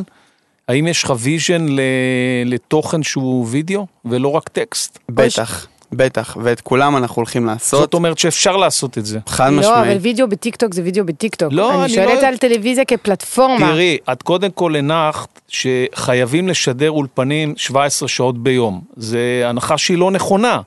יכול להיות שכשהוא ייצר, הוא והחברים שלו ייצרו את ה vision החדש, אז, אז השידורים יהיו אחרים, יהיו בסטרימינג. יהיו אחרים, הם לא, לא, לא, זה לא מחייב אולפנים של אה, עופר חדד מראיין משלוש עד ארבע את אה, ירון אברהם, ובארבע ירון אברהם מראיין את עופר חדד, וככה עד שתיים בבוקר. גם אה, ישראל זיו. אה, זה, זה, לא, זה לא מחויב המציאות, יכול להיות שצריך לעשות את זה אחרת, אבל, אבל לעומר הייתה שאלה, עומר רצית לשאול משהו, אז קח את המיקרופון של... אה, השאלה שלי היא מי עומר עושה זה את עורך ה... הסאונד שלנו. מי עושה את ה fact checking? כאילו אני עברתי תוך כדי כי חידשת לי מאוד ואמרתי מה זה הפלטפורמה הזאתי לצעירים ותוך כדי אני קורא ואני אה, רואה כרטיסיות וזה מאוד מאוד הכל ברור ו- ומול העיניים אבל מצד שני הרגשתי כאילו שהשפה היא גם נורא מוחלטת אז אה, אה, טוב, כאילו- סימן שאלה, דבר. מי, מי דבר, בודק את אורן. העובדות שאתם רושמים כביכול, או האם זה רק דעות בעצם? לא, זה ממש לא רק דעות. אה, קודם כל, כשזה דעה, אתה יודע שזה דעה, זה מאוד, זה מצוין, זה מאוד ברור. אה, מי שבודק את העובדות זה האורחים, זאת אומרת, יש לי גם עורך ראשי, שקוראים לו איתי, אה, שהוא עורך ראשי מצוין, ועכשיו כל גופי התקשורת, אגב, מחזרים אחריו. ומתחת לאיתי יש לי עורכים לכל, לכל דבר, יש לי עורכת תרבות, יש לי עורך של בלוגים ודעות, יש לי עורכי חדשות, והם בודקים את הכל, זאת אומרת, כל המידע עובר דרכם, הכל נעשה זה בצורה... מרגש. שהיא מאוד מוקפדת, יש לנו עורכת לשונית, יש לנו הכל עובר הגאות, זאת אומרת, הכל מאוד מאוד מוקפד. טוב, אורי, את, אה, חוץ מזה שאתם מאוד מאוד מרשימים, אה, אני עוקב אחריכם כבר הרבה מאוד זמן, אה, אתם לדעתי תשנו את כל התפיסה של איך, של איך צעירים. מוכרים חדשות, לא יודע אם זה צעירים בכלל, זה לא, זה כמו שיום אחד נכנסה הטלוויזיה והיא שינתה את כל התפיסה של איך מוכרים חדשות שזה לא בפרינט. אתם משנים את כל התפיסה, כי אני לא בטוח שיש היום אה, צעירים ומבוגרים, כולם בסוף אה, עם הפרעות קשב, וכל האנשים שאני מכיר בגיל שלי הם גם אוכלים סנדוויץ', מעשנים סיגריה אה, או גראס, אה, מעבירים, מעבירים עם החצי אצבע את העמודים, מקשיבים למוזיקה, מדברים עם חברים, אה, עושים את הכל מהכל, והפרעת הקשב הזאת היא כללית. לגמרי. ואני חושב שאתם מאוד מאוד משנים את התפיסה של אנשים שהולכים באולפנים עם אה, חליפות של דוד ודודה, אני לא ראיתי אנשים כאלה ברחוב הולכים עם חליפות כאלה, אני לא יודע מאיפה הם קונים את החליפות האלה, כי איש לא הולך... אני באתי לפה עם חליפה, אלדד, ויצאתי מהאולפן. את הולכת עם חליפה מגניבה. אני, אני לפעמים מסתכל, אני, לפעמים. מסתכל על החזאים שמתרוממים לשידור באולפן, ואני אומר, אלוהים אדירים, לא הבנתם שמכנסי. חליפה כבר לא הולכים ככה, יש כבר מכנסיים אחרים, צרות, זה לא חשוב. אה, כל ההסברים מיותרים, תמשיך לעשות את רגע, אני- העבודה שלכם, מי שלא מכיר אתכם, זה הזמן אה, לעקוב אחרי מתחת לרדאר, ואנחנו ניפגש איתך פה עוד הרבה, לא ניפגש רק אה, בעוד שנה. לס- לסיום-. לסיום, תן לי משפט אחד רגע. אתה אומר, אתם אומרים כל הזמן הפרעת קשב כמשהו רע. לא, לא, ממש לא, ממש לא ממש אמרנו לא, את אז לא. צריך את ההמשך, ממש יופי, לא, ממש יופי, לא. בסדר. לא, כי ממש אחרת לא. אה, עורך- ממש לא. עורך הדין שלי כבר אה, מתחמם. ממש לא. אז אה, תסלם עליכם. תודה, אורי. בהצלחה. תודה לכם. תשתף אותנו בכל הכוח, אנחנו רוצים שגם עלינו ישמעו. בוודאי, שוטף, יאללה. לשתף. כל הכוח. תסלם עליך. תודה, בהצלחה. תודה, תודה. רבה. אז עכשיו אנחנו ממשיכים שיחה עם אורי הרצברג, שהזכיר את העניין של דימוי הגוף, שהוא מאוד מאוד מאוד מעסיק, אה, נניח, את דור ה-Z, אנשים עד גיל 34, אה, ונמצא פה לירי, תמיר משגב, שהוא אחד המאזינים שלנו. אה, הוא גם הבן של סיוון, אבל זה ממש לא קשור לשיחה שתתנהל עכשיו, כי אה, זו יוזמה שלו להגיע לפה. וכשהוא שאל אותי אם הנושא מעניין, אם מישהו מתעניין בנושא הזה של אה, אה, דימוי גוף, אז אה, אמרתי לו, ברור, וזה לא רק אנשים צעירים, אבל נכון שאצל אנשים צעירים זה דבר מאוד משמעותי. אתה היום בכיתה זין. ז' ועולה לח', אז בדיוק בגיל הזה, לי הייתה בעיה מאוד מאוד גדולה עם דימוי הגוף שלי, כי הייתי בדיוק בגודל שלך, מאוד רזה. אני עוד הייתי לבן, אתה עוד כהה, שזה, זה, יש, לך, יש לך בונוס, ו, והייתי רזה. ו, והיום כשמנואל אה, שאלה אותי איפה עוד קוראים חומר רקע על הנושא המאוד מעניין הזה, אז פתאום ראיתי שיש גם דוח מבקר המדינה על הדבר הזה, שמותח ביקורת על מערכת החינוך, שבעצם אה, מאפשרת לאכול אוכל מאוד לא בריא וכולי וכולי, אבל איך מערכת החינוך מטפלת בזה, ותכף אתה תסביר למה זה גורם גם לבעיות חברתיות, כי מערכת החינוך ישר אומרת, יאללה, צריך למדוד את כולם ולשקול את כולם וכל הזמן להתעסק עם זה, ו- וכל תלמיד צריך להגיד לו, אתה בגובה הנכון לגיל שלך, אתה במשקל הנכון לגיל שלך, שזה לא נכון וזה לא נכון, ו- ו- ואתה, ואתה בגיל ההתבגרות, אבל קודם כל תתחיל מלמה היה חשוב לך לדבר על זה. אמ, אוקיי. דבר רק בקול רם למיקרופון שכולם ישמעו אותך. אמ, אז בתחילת כיתה ז' בכל הארץ אמ, מתקיימים, מתקיימות בדיקות... רק תזכיר איפה אתה לומד, אתה לומד בתל אביב? אני לומד בגימנסיה הרצליה בתל אביב. אוקיי, ולפני זה למדת ביפו, נכון? כן, למדתי בפתוח הדמוקרטי ביפו. ובאמת מתחילת כיתה ז', אז uh, בתחילת השנה מתקיימות בדיקות גדילה, שזה בעצם אומר שכל תלמיד uh, נכנס לחדר עם מישהי שהוא לא מכיר, uh, והוא צריך באמת להימדד גם משקל וגם גובה, ואז בעצם uh, האחות שמודדת אותו, מי שמודדת אותו, uh, מביאה לו פתק, שבו כתוב את המשקל, את הגובה, והאם הוא כאילו בנורמה, בנורמה בעצם. אה, ומה שהמצב שנוצר זה בעצם שתלמידים משווים אחד בין השני, ילד נכנס לכיתה וצועק כמה אתם שוקלים, כמה אתם, כאילו מה הגובה שלכם, דברים כמו זה. אה, ואני חושב שזה באמת גורם להרבה תלמידים כאילו להיכנס ל... אפשר להגיד להיכנס לסרטים או משהו בסגנון, שבאמת כאילו הם אה, שוקלים פחות מדי או הרבה מדי, רוב הפעמים זה קצת יותר ל... כאילו overweight, לשקול יותר מדי.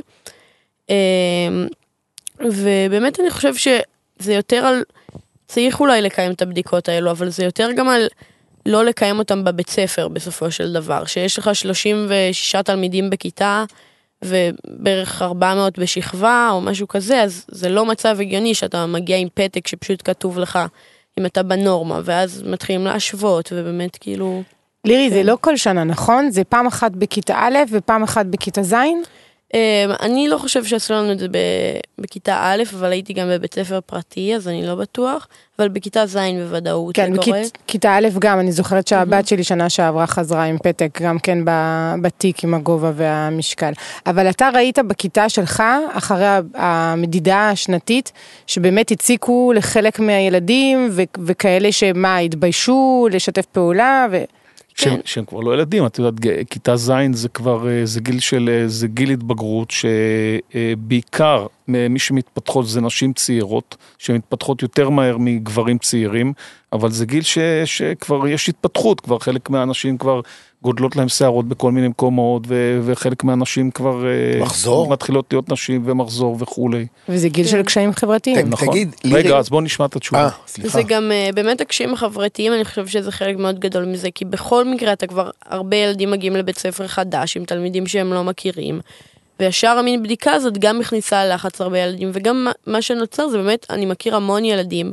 שפשוט החליטו לא להגיע באותו יום כדי לא לעשות את. הבדיקה, וואו. כן. דימוי גוף זה משהו שמעסיק אתכם? אה, כן, לגמרי. אני חושב באיזה ש- מובן? אמ, גם כאילו מצד אחד יש באמת המון ילדים וילדות שזה פוגע בהם והם מרגישים שהם לא במצב נכון מבחינת הגוף שלהם.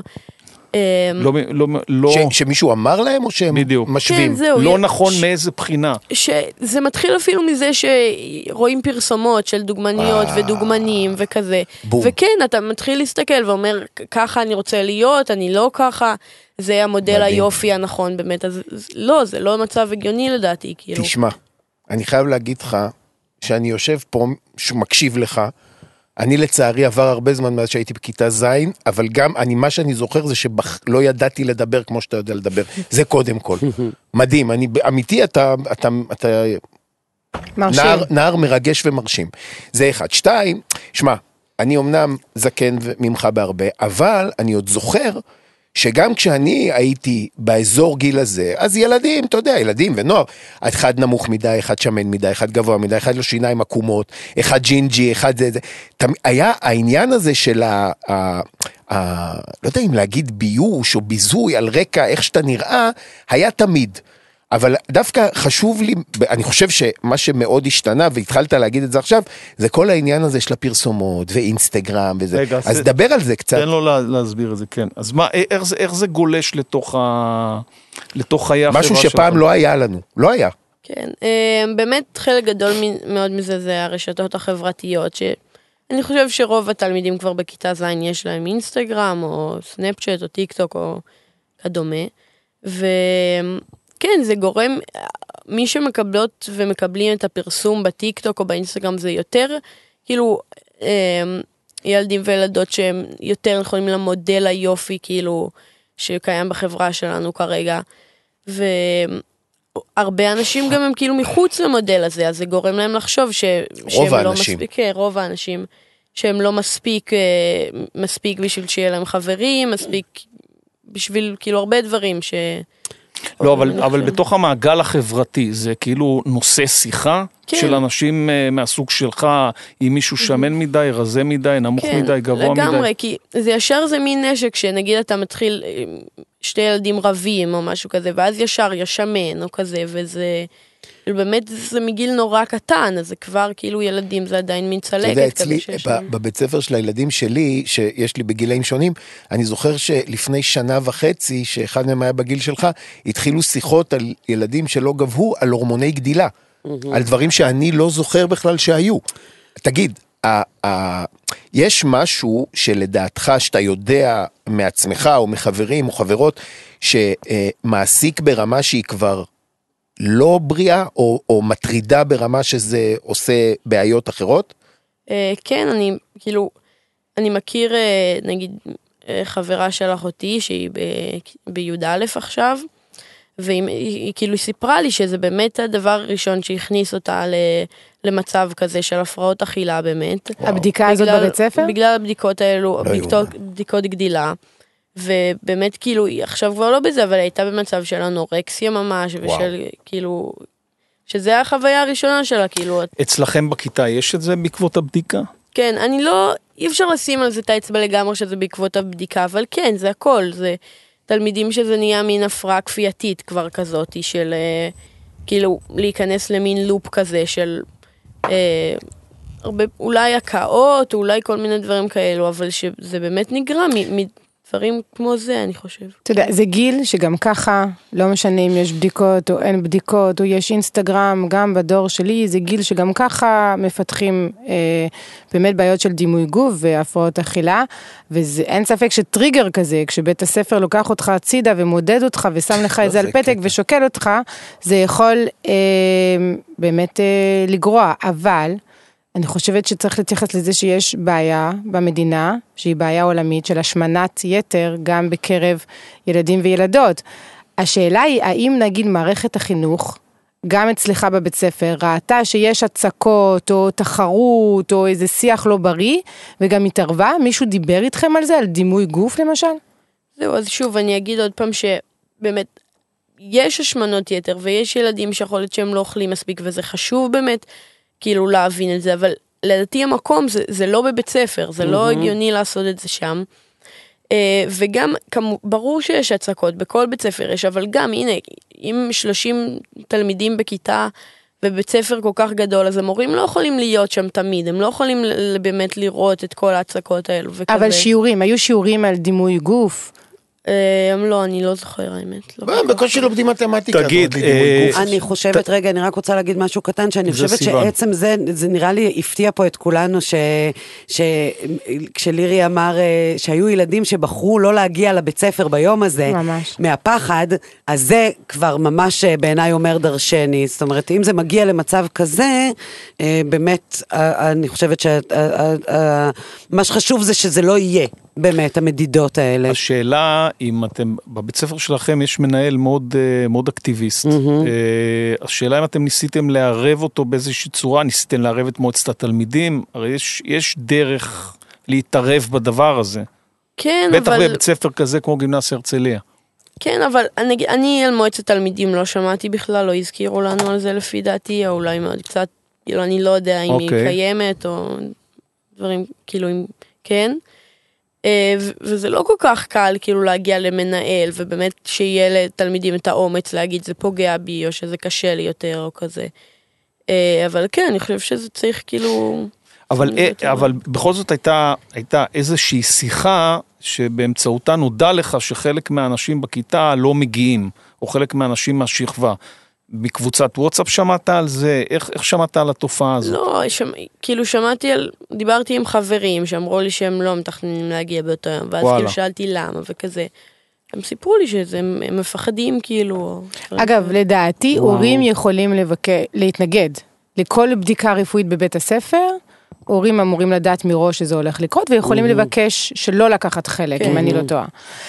החברים והחברות שלך יודעים שאתה פה היום בפודקאסט ומדבר על העניין הזה? הם גם רואים שזה עניין שצריך לדבר עליו? אה, כן, חלק. אני מאמין שכן, שזה הרבה יודעים, אבל גם הרבה, הרבה יותר מדי לא יודעים. אבל זה, אני סוג, אגיד זה אחרת. סוג של שיחה שניהלתם ביניכם לבין עצמכם. זאת אומרת, היום שאתה תשתף את זה באינסטגרם ותשתף את זה בטיקטוק, איפה שאתה נמצא, את העובדה שהיית פה ודיברת ו- ו- ותיתן לינק לשידור, אז אני מניח שחלק חלק מהאנשים יהיו שותפים לתחושות שלך. אה, כן, אני מאמין שכן, כאילו. די בטוח. אתה חושב שגם, אה, כי אתה מדבר פה ואמרנו זה לא העניין, אבל בכל זאת, אמא שלך יושבת מימינך, אז היא גם חלק מהשיחה, ואולי תמשיכו אותה אחר כך בבית, בפרטיות, אבל אתה חושב שאנשים בכיתה שלך גם מדברים עם ההורים שלהם על זה? אה, אני לא יודע, אבל אני, זה עוד עניין שזה באמת, נגיד, זה שאמרת על שהורים יכולים להתערב ולא, כאילו להתנגד. שהילדים לא, להתנגד בדיוק. אז זה גם נושא שהרבה ילדים הם לא בפתיחות עם ההורים שלהם, הם הרבה זמן יושבים נגיד בחדר מול המחשב, וזה לא מדברים הרבה נגיד עם ההורים, אז זה גם עוד עניין של כאילו, איזה פחד מלשתף גם אותם או משהו לאילי בוער. כן, כן, אה, זהו, בואו. רציתי לשאול. אה, אוקיי, אז הגיעו לבית ספר, מדדו אתכם. עזוב את זה שבעיניי זה בכלל לא צריך לקרות בבית הספר, ואנחנו חיים בעידן של אה, כולם יש רופא משפחה, וזה משהו, מטפלים בזה, יודעים את הדברים האלה. אחרי לא שמדדו כולם, אילי, אתכם, אני לא מסכימה, לא כולם. יש סיבה שמערכת הבריאות, שמשרד הבריאות עובד יחד עם אה, מערכת החינוך, וגם עושה כאחות, מעקב אחר כאחות ילדים. אני רוצה לענות לך אחר כך על הדבר הזה. לא, לא, אוקיי. תעני- תעני לא, בהמשך, לא, אבל תני אני לי... לא לה- רוצה להפריע השאלה. היא, מדדו אתכם. מישהו אחר כך בא ואמר לכם על זה משהו? זאת אומרת, הסבירו לכם קצת על אה, הרגלי אכילה, על פעילות גופנית, על... לא. דיב- דימוי גוף כבר הבנתי שלא כל כך דיברו איתכם על זה, אבל אוקיי, אספו את המידע, מישהו עזר לכם לשפר את המצב, משהו, של בכלל בכלל שום דבר. לא, כאילו, המחנכת הודיעה שביום שלישי אה, יש בדיקות גדילה, ואני לא חושב שהיא אפילו ידעה להסביר לנו, כאילו גם לה הרי זה, יש מעליה שפשוט מודיעים לה הודעות והיא לא יודעת להסביר לנו הכל. וגם אף פעם כאילו לא דיברו איתנו על ל- לאכול נכון, או דברים שכדאי ודברים שפחות, וזה פשוט היה הבדיקות האלו, אתה מקבל פתק, ואז ילדים צועקים "מה, כמה אתה שוקל, כמה אתה... חבל מאוד. בהמשך למה שאילי שאל אותך, אה, ירון שוורץ, שהוא חבר פאנל פה בפוד, נמצא עכשיו בניו יורק, הוא גם מקשיב לשידור, הוא רוצה לשאול אותך שאלה. כן, ירון. אני חושב שהסיפור שאתה מספר הוא, הוא, הוא לא כזה יוצא דופן לצערי. אמ, זה סיפור ש, שנשמע כנראה בכל העולם, כנראה בכל בתי הספר, כנראה, כנראה ברוב הגילאים. אמ, אני חושב שאתה אמיץ בטירוף, אמ, בזה שאתה מוכן לדבר על זה. תודה רבה. ו- ואני רוצה להגיד שאני אני חושב שה... דיברת על ההשפעה על אה, איך, איך גורמים למורים או מנהלים או אפילו להורים להבין את הבעיה. אמ, ויש פה כמה פרספקטיבות. אחד, אני חושב שראוי שמורים והורים ומנהלים בטוח, ובכלל כל משרד החינוך, שיראו את ההצהרות של רשתות המדיה, אינסטגרם, פייסבוק, טיק טוק אה, ועוד, בסנאט האמריקאי, ויראו בעצמם, ישמעו בעצמם, שהחברות האלה, כל המודל שלהם הוא ליצור את הפחדים האלו שאתה מתקשר כאן. וכשאני אומר את זה, אני גם, אני, אני אומר את זה ואני, ואני מאשים אותם, ואני מצביע עליהם, ואני אומר, אתם חייבים לפתור את זה, כי זה מודל הרווח שלכם וזה לא תקין.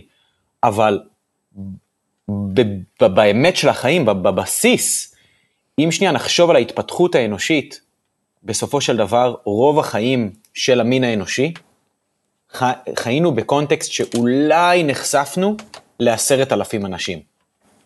וזה אומר שההשוואה שכל אחד או אחת מאיתנו עושים, אה, בעבר היה אחד מתוך עשרת אלפים.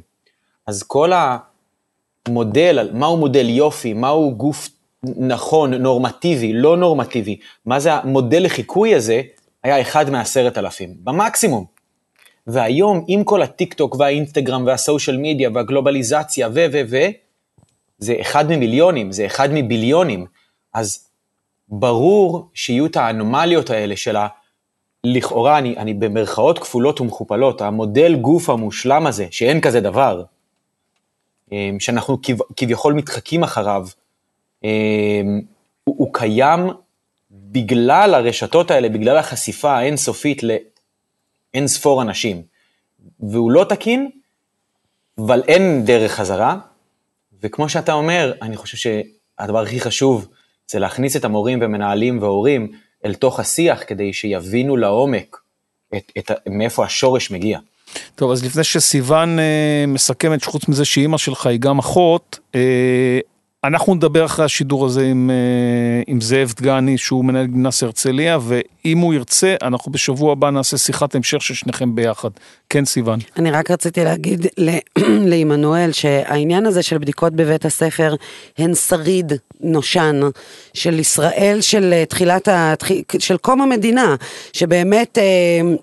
אה, הייתה איזושהי העלמה של הבריאות, אה, כי זאת הייתה הדרך להגיע לאוכלוסיות מוחלשות. אה, כשאנחנו אומרים על ילדים בתל אביב, שלא נורא אם, אם הם לא יעשו בדיקות בבית ספר, כי ההורים שלהם בטח ייקחו אותם, כמו שאילי אמר, לרופא המשפחה, אז, אה, אז פעם גם זה לא היה כל כך ברור, גם תל אביב נחלקה הרבה יותר לשכונות דרומיות ושכונות צפוניות, ועדיין בארץ יש הרבה מאוד מקומות שה... אנחנו לא יודעים עד כמה מערכת הבריאות שם היא חזקה, וכמה המשפחות, מבחינה סוציו-אקונומית, המשפחות יודעות לדאוג לדבר הזה. ולכן זה... אמרו, בוא ניקח את הבית ספר, שהוא המקום שבו כל הילדים נפגשים, כמו שאנחנו עושים חיסונים אה, ב- ב- ביום שתינוק נולד, כי אנחנו מפחדים שההורים לא ייקחו אחר כך את, וגם ה- בבית את הילדים. ספר. יש חיסונים ספר. בכיתה א', יש בדיקות עיניים, בדיקות יש אה, עיניים, שיננית שבכיתה ב'. תראו, נכון, אני, אני אבל חושב... עדיין, עדיין, רגע רק שנייה זה, אני חושבת שצריך איזושהי רפורמה בדבר הזה, ולהבין שבאמת יש משהו בבדיקות, אה, אה, בניגוד לבדיקות עיניים שאומרות לך, אתה רואה 6-6 נכון. או אתה רואה 6-5, לבין בדיקות אה, אה, אה, גדילה, שבהחלט כשהן מתחברות, כשהן פוגשות את הגיל הספציפי הזה, שהוא גיל ההתבגרות, ואת המצב הספציפי הזה שקיים היום של הרשתות החברתיות ושל דימוי הגוף, שהוא באמת הדבר מאוד מאוד, אה, אה, אה, את יודעת, יודעת, בוער. החיבור הזה הוא חיבור נפיץ, ואולי שיגיד שם מישהו, את זה אנחנו מוציאים כי תראי, אנחנו רוצים... אני חושב, אני חושב שכל מה שאמרת זה נכון, אבל בית ספר זה מקום שצריך להיות אה, שמורת טבע. Mm-hmm. לא מחסנים שם אנשים בשום דבר. אה, אני בעניין הזה תמכתי לחלוטין במה שאמרה יפעת שאשא ביטון. למדינת ישראל יש מערכת שיודעת, יש מערכת של רפואה קהילתית בכל מדינת ישראל, לא רק בתל אביב, מאוד מאוד משוכללת בכל מדינת ישראל. אה, וצריך לטפל בזה באמצעות מערכת הרפואה הקהילתית. אני חושב שבית ספר צריך להיות מחוץ לתחום של שירותי הרפואה. כל דבר שקורה בבית ספר עם אדם שעובר יד, או אדם שעובר אף, או אדם נפצע, לא צריכים לטפל בזה מורים. בדבר הזה מטפלים רק חופשים ורק פרמדיקים. זה לא, אה, אף בן אדם שהוא לא חובש לא אמור לדעת לחבוש פצע. אז כשזה קורה בבית והורים עושים את זה, זה עניין שלהם. אה, אני חושב שבמדינת ישראל, שבכל שנייה נתונה יש אופנוע שמגיע ומעניק אה, שירותי עזרה ראשונה, לא רק בתל אביב, גם בבתי ספר, בטח בבתי ספר, כשאין הורים בתוך המסגרת הזאת, את הטיפול הרפואי הראשוני, לא משנה אם בן אדם החליק וזה, רק על ידי אנשי רפואה.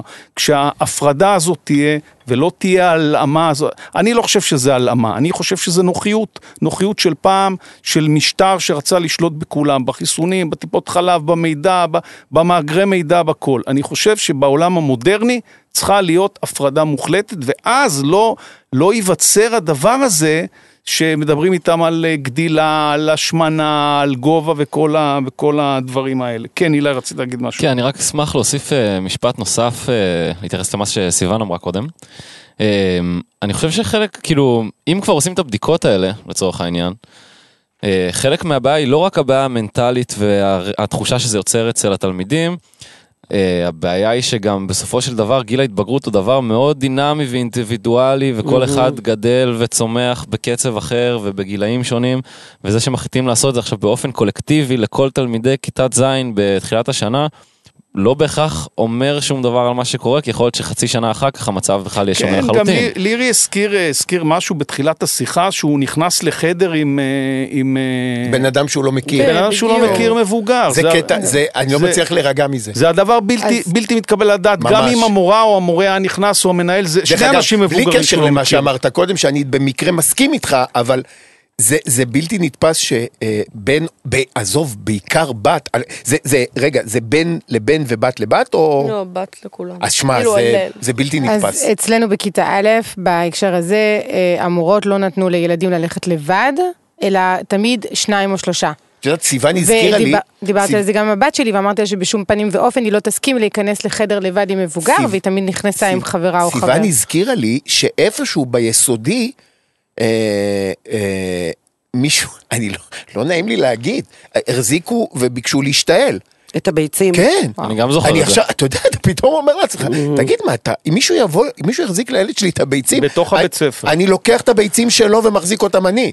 זה, זה לנו, לא... עשו, לנו עשו טיפולי קינים בבית ספר, תשמעי, לכולנו. זה, לא- זה, אה, אלדד צודק, יש פה איזה עניין, יש פה איזה עניין של מערכת, שהייתה אולי פעם באמת קצת אה, אה, מפגרת ברמת היכולת להגיע, זה- אבל היום יש אה, בכל מקום, בכל מקום אה, קופת חולים, בכל מקום אה, רפואה קהילתית, הדבר הזה לא יכול להיות יותר בבתי ספר, זה, זה רק סימפטום למשהו הרבה יותר חמור. אני חושבת שמעבר להכל, זאת אומרת, אני מסכימה עם כל מה שאמרתם פה, אני חושבת שזה שחוץ ממשקל וגובה, נותנים לילד את, ה, את, את טווח הנורמה, הוא הדבר הבעייתי פה, בגלל שבינינו, בואו, ילדים בכיתה ז', אתם שמעתם איך הילד הזה מתבטא.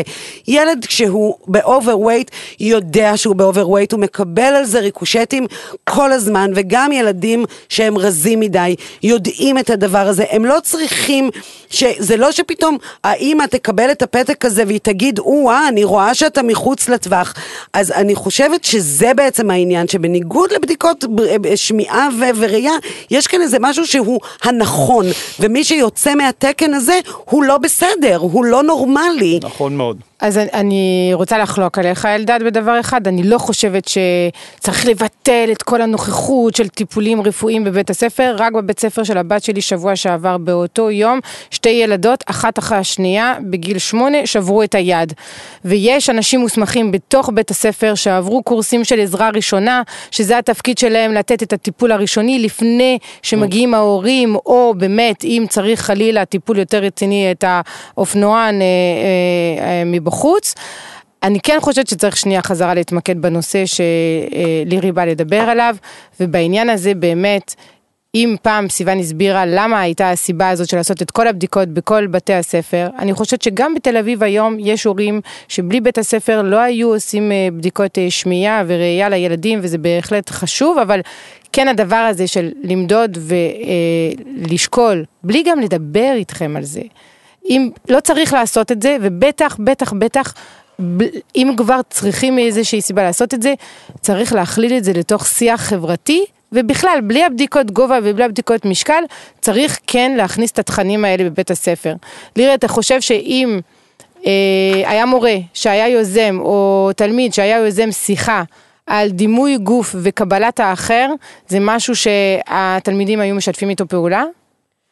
אמ, אני- חושב שחלקם כן, אבל אה, זה לא רק קשור לנושא, זה בכלל שכמעט שום נושא לא עובר כבר בכיתה, כי יש כל כך הרבה ילדים, שיש כל כך הרבה הפרעות, ושום נושא כבר לא ממש יכול להיכנס לנו לאוזניים, אבל בעיקרון, אה, כן, אני חושב שצריך שיהיה לזה הרבה יותר חשיפה, ויהיה ילדים שזה יותר נוגע להם, ויהיה כאלו שלא שמעו על זה גם אף פעם, כאילו, בחיים שלהם, בוודאות. טוב, אילי ואנחנו מסכמים. לא, אני רק אה, מקשיב ב... בהנאה ובהערצה. בדיוק. אז אתה יכול, אתה יכול תמיד לשאול אותו את מה שבאמת עכשיו דיברנו, דיברנו, דיברנו, אבל מה, מה שחשוב באמת, מה היה עם הפועל? וואי, מה יהיה עם הפועל, יאללה. תגיד, מה היה עם הפועל? סגרו את העצים בדרך. תקשיב, זהו, אני- לפחות אני- מונעים מאיתנו את אני הסיוט הזה. מסתכל עליו ואני הפועל אומר, תל אביב דיון אחר. איזה אה, מסכן שהוא רק בן 12? 13. 13, ואני לפחות עוד הספקתי לראות דברים, והוא... הוא גם יספיק, אתה חושב? אני בטוח, אני משוכנע בזה, הוא גם יספיק. טוב, תהיה חזק, אני רק על זה רציתי לדבר איתך. כל השאר ש- אתה תתגבר, תאמין לי. אתה נראה לי מספיק חכם לירי, ונבון. אתה איש אה, מרשים ואמיץ מאוד מאוד מאוד, וכל הכבוד לך, וזה נושא מאוד חשוב שהעלית, ובעיקר שיזמת לעלות. אותו, נכון. זה הדבר הכי מרשים. אתה באמת מאזין לפוסט כשאתה, לפוסט, לפוד הזה כשאתה לא בא? בכנות לענות. בחיים לענות, תודה, בחיים, עמנואל. בחיים לענות רק בכנות, תמיד. לא משנה מי שואל אותך משהו. אז, אז עוד לא, אבל זה יגיע. אז היום תקשיב לעצמך. ותפיץ לא בקבוצות חייב. וואטסאפ של הכיתה. יאללה, תודה. היית מגניב. תודה רבה, ביי ביי. ביי ביי. טוב, אז היום אנחנו עושים את פינת הקריפטו שלנו. אה, אמרנו קודם תל אביב, ניו יורק, ירון שוורץ כבר נסע לניו יורק, ואיתמר פיק פה, ומיתר זהבי פה, ואנחנו ממשיכים את השיחה שלך, מיתר, עם עמנואל בפעם הקודמת. הסברת באופן מושלם מה זה NFT. אף גבר שהיה פה קודם לא הסביר את זה כל כך ברור. מה זה זה נכון, NFT. זה נכון. כשלנו, כשלנו. לא כשלתם, אבל, אה, אבל. נשים יודעות להסביר יותר טוב את החיים. זה נכון. אה, דבר רק למיקרופון צמוד כי לא שומעים אותך. איתמר פיק. איתמר פיק, אה, שמצטרף עכשיו, ואת התחלת לנהל שיחה ואז אמרנו שנעשה את זה בפעם הקודמת, והיית בחופש, אז עכשיו אנחנו עושים את זה. אה, עמנואל שאלה אותך מה זה קהילה נשית ב-NFT, או למה נשים הן אה, יותר טובות, או למה יותר חשובות ל-NFT, או למה בכלל להצמיח, אה, להתייחס לנשים כקהילה שצריך להצמיח אותה ל-NFT כדיבור של קהילה נשית. וואו, שאלה מורכבת. אמ, אני אגיד לך הכי תכלס, אני לא חושבת שיש פה תשובה חד משמעית. זה לא כאילו נשים הן אה, סוחרות טובות יותר או משהו בסגנון הזה, זה פשוט עניין של שיהיה יותר דעות, שיהיה יותר זוויות, שיראו קצת יותר דברים. זה לא צריך להיות משהו שיש לו רק צבע אחד. של גברים. כן, אבל את יודעת, הייתה פה המשוררת מאיה טבת, ו... והיא כן הצביעה על משהו שהוא כן מעניין, שנשים לאורך כל השנים, אה, כאילו לא מתייחסים אליהם כשמדובר בכסף, ואני סיפרתי פה, גם סיוון סיפרה סיפור, גם אני סיפרתי סיפור. סיוון סיפרה סיפור איך לא מתייחסים אליה, או איך כשהייתה בעיה, כשהייתה לה בעיה בבנק היא ישר התקשרה לאורי הבן זוג שלה, ואני סיפרתי על הלוואה שלקחנו מהבנק, ולמרות שליאורי המפרנסת הראשית בבית, אז המנהל בנק רק התייחס אליי, וכשהערתי לו, הוא המשיך להתייחס אליי, ונדמה לי גם שעמנואל סיפרה סיפור. בפרטי סיפרתי לך סיפורים. אה, בפרטי, אז אני כבר לא זוכר מה בפרטי ומה זה. יש דעות קדומות באופן חד משמעי, זה גם משהו שאני רואה אותו הרבה פעמים כשאני הולכת לכנסים. זה- וואלה, כשאת מרצה על NFT. כן. לפני גברים. כן, הצורה שבה אה, מסתכלים עליי, מצפים שאני לא אדע. מצפים שאני לא אבין. אני, הייתה לי שיחה עם מישהו, אה, הוא התחיל לדבר איתי על איזושהי פלטפורמה, והוא אומר לי, כן, אנחנו הולכים אה, לדבר עם האמנים הכי גדולים שיש, ואז שאלתי אותו איזה שתי שאלות טכנולוגיות, והוא נחנק. כאילו, רגע, מה? אה, אין לי מושג איך להתמודד עם כי הדבר יצא- הזה. יצאת לרגע מהתפקיד שלך. כן. אצלו בראש. זה ממש ככה, יש איזושהי דעה קדומה, כשמסתכלים עליי מצפים לדבר אחד. ואז אני פותחת את הפה ומגלים משהו אחר. עכשיו, זה הרבה ככה, כאילו אני חושבת שיש המון נשים שהן חכמות טכנולוגית ושהן מבינות מה הן עושות, והרבה פעמים הן לא מבטאות את עצמן מסיבות שלפעמים אני אפילו לא מבינה אותן. זה כאילו, אני לא יודעת אם זה באמת עניין תרבותי, או כמו שאתה אומר, שלא מצפים. ולא כולם יש להם את האומץ לעשות את המהלך הזה ולבוא ולהגיד, הנה, אני יודעת, אני מבינה, אני יכולה. ואני חושבת שזה חשוב לתת את הסביבה הזאת. את יודעת, מיתר, שמחקרים גילו, סתם אני מספרת לך את זה, שכשמפרידים את לימודי המתמטיקה מגיל מאוד מאוד צעיר, אז ילדות, בנות, אה, מרשות לעצמם יותר להרים ידיים בכיתה ולשאול שאלות. זה, זה, זה ממש וואלה. עצוב, אבל כן. ברור. כן, וואלה. זה- זה מגיל לא מאוד בזה. צעיר, הן מפחדות לשאול ליד בנים. וכשמוציאים את הבנים מהכיתה, הן מעיזות. מפחדות לשאול מה, במתמטיקה? כן, נגיד להגיד, אתה, את יכולה להסב, אתה יכול להסביר לי את זה שוב? לא הבנתי. או למה x שווה 2? דרך אגב, זה עובד גם הפוך. רגע, רגע, הן לא שואלות. וכשמוציאים את ה... אני מדברת איתך על גיל שבע. וואלה. וכשמוציאים את הבנים מהכיתה, פתאום... מחקרית רואים שהידיים יותר מורמות למעלה, הן פחות מפחדות כשבנים לא לידן. כי מה, הן רגילות לזה מהבית שרק אבא מדבר על כסף? כנראה זה גם, כמו שמיתר אמרה, זה עניין גם תרבותי, של, של הסללה, של שמגדלים, אנחנו חברה שמגדלת ילדות, אה, באופן שבו המתמטיקה מודרת, הן מודרות מה, מהמקום הזה, מהמקום הכלכלי והמתמטיקאי. אנחנו חיים בסוג של עולם, המתמטיקה היא הבסיס להכל, אבל אנחנו חיים בסוג של עולם, אני ראיתי את זה במקרה גם בעולם של אה, פרסום ושיווק, שמצופה מאישה שמדברת בישיבה, להגיד, אני יכול סתם ללרלר איזה שטות, איזה בדיחה, איזה משהו שלא מקדם את הדיון. מאישה מצופה שאם היא כבר אומרת משהו, זה יהיה באמת איזשהו שוס, למה? כי כאילו זה מין כזה, אה, אה, אני לא אגיד אה, זה, תודה שמרשים לה להשתתף בדיון, אבל... אבל זה ככה. כן, אבל זה חייב להיות, זה חייב להיות מאוד מאוד מוצדק. נכון, אבל אתה מדבר על משהו שהוא כלל תרבותי, זאת אומרת, זה שאנחנו יודעים שנשים הם מ- מ- מ- מלכתחילה מקשיבים להן פחות, זה בעיקר, ברור. בעיקר בעולמות שמיתר אבל- מדברת אבל עליהם, ובגלל בדיוק. זה הדבר שהיא עושה הוא כל כך בדיוק. קדוש. יש עוד מחקר שמתחבר למה שמיתר עושה ובעיניי הוא כל כך חשוב, זה מחקר ש... מחקרים שנעשים בעולם בשנים האחרונות שמראים שאם מדברים בלשון נקבה בכיתה, אז בנות, ילדות משתתפות יותר.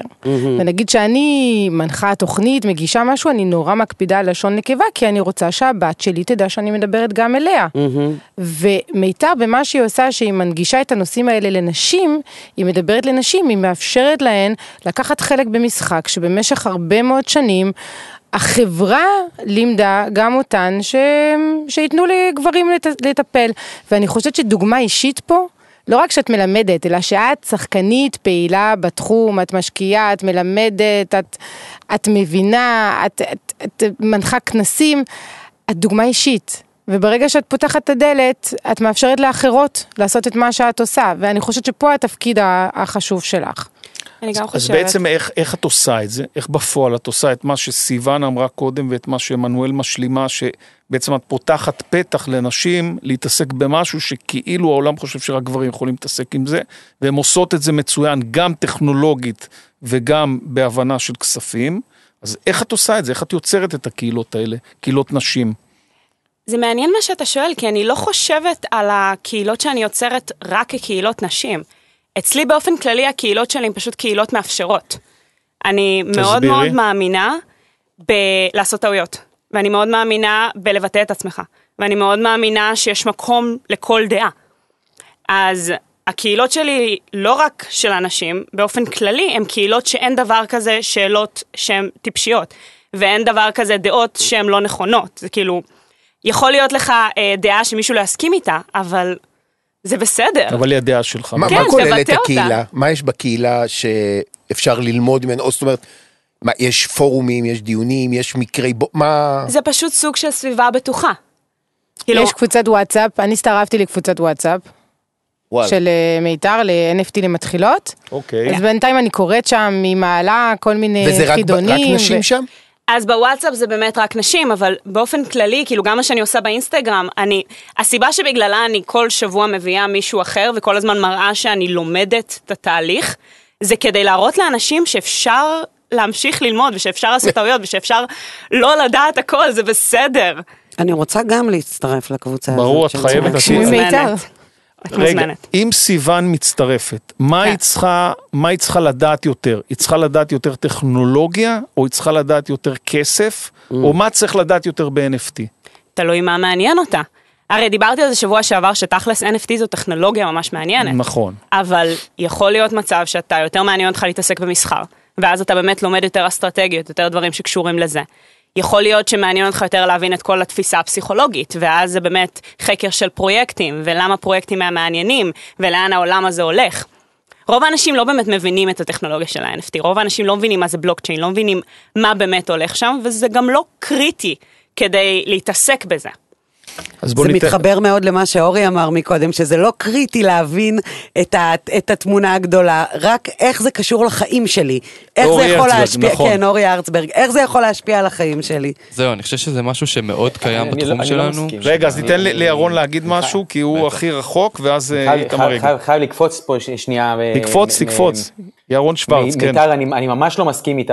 אה, אני, אני חושב שספציפית בעניין של בלוקצ'יין וטכנולוגיה, בעולם הזה של קריפטו, בין אם NFT או בין אם מטבעות, זה לכאורה בסדר שאנשים לא מבינים את הטכנולוגיה, אם הם מודעים או הן מודעות להשלכות של לא להבין את הטכנולוגיה. וכל המהות של בלוקצ'יין ו- ו- ומטבעות מבוזרים וקריפטו, לא משנה אם זה NFT או לא NFT, זה להיות הבנק של עצמך. כן, אבל... זה אבל- עניין אחר. אבל ה- זה אומר, רגע, כן. רגע, רגע, רגע, זה אומר, זה רק אומר שהארנק הזה שאני מנהל, בניגוד לכרטיס אשראי, שאם קרתה פעולה לא נכונה, אה, אה, רימו אותי, עשיתי טעות, לא משנה מה, אני מתקשר לוויזה ואומר להם, היי, ריברס, אה, אחורה פנה, בוא נבטל את הטרנזקציה, זה אפשרי. בקריפטו זה לא אפשרי. רגע, אז תעצור. אז, אז היא. קודם כל העירה קודם משהו שהיא מלמדת אנשים שמותר לעשות טעויות, וטעות זה לא תמיד דבר שאפשר לתקן אותו. אבל שים את זה רגע בצד. מהעולם שאתה מגיע, מהעולם של הפיתוח והיזמות ועכשיו העיסוק שלך בקריפטו, אתה חושב שכניסה של נשים זה, זה מהלך חשוב ומרשים, או שאנחנו מנפחים אותו סתם, או מנפחים את הדיון הזה סתם? אני חושב שכניסה של כולם. לא, לא כולם, וכולן, גברים נמצאים הש- בעולם הזה, כניסה של נשים. לא, את האמת שזו נקודה נכונה. רוב העולם לא נמצא. זה נכון, אני אמנם תומכת רוב- בנשים כי יש לי את האופציה הזאת, יש לי את הגישה הזאת, אבל הייתי שמחה גם שההורים שלי ייכנסו לתחום, הייתי... אני ביום שלישי עושה לייב עם מישהי שהיא בת 63 והיא אמנית של NFT. וואלה. אתם יודעים איך זה מגניב אותי? וואלה. זה ממש מגניב, זה מעצם זה שמנגישים את זה ליותר אנשים, שמאפשרים את זה.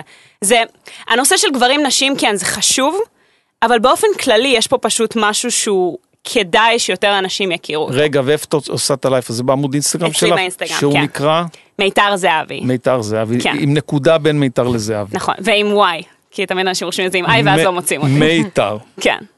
כן, אבל, אבל בכל זאת, ירון, אל תתעלם מזה שהעולם שאתה מגיע ממנו הוא עולם שבטח יש יותר מפתחים גברים, כי אולי זה כמו שאמרה סיוון, שנשים אה, לא נותנים להם את התחושה שזה לגיטימי מבחינתן להיות מפתחות ולהיכנס לתחום הזה, ולהיות אולי יותר טובות מגברים, בטח לא פחות טובות מגברים.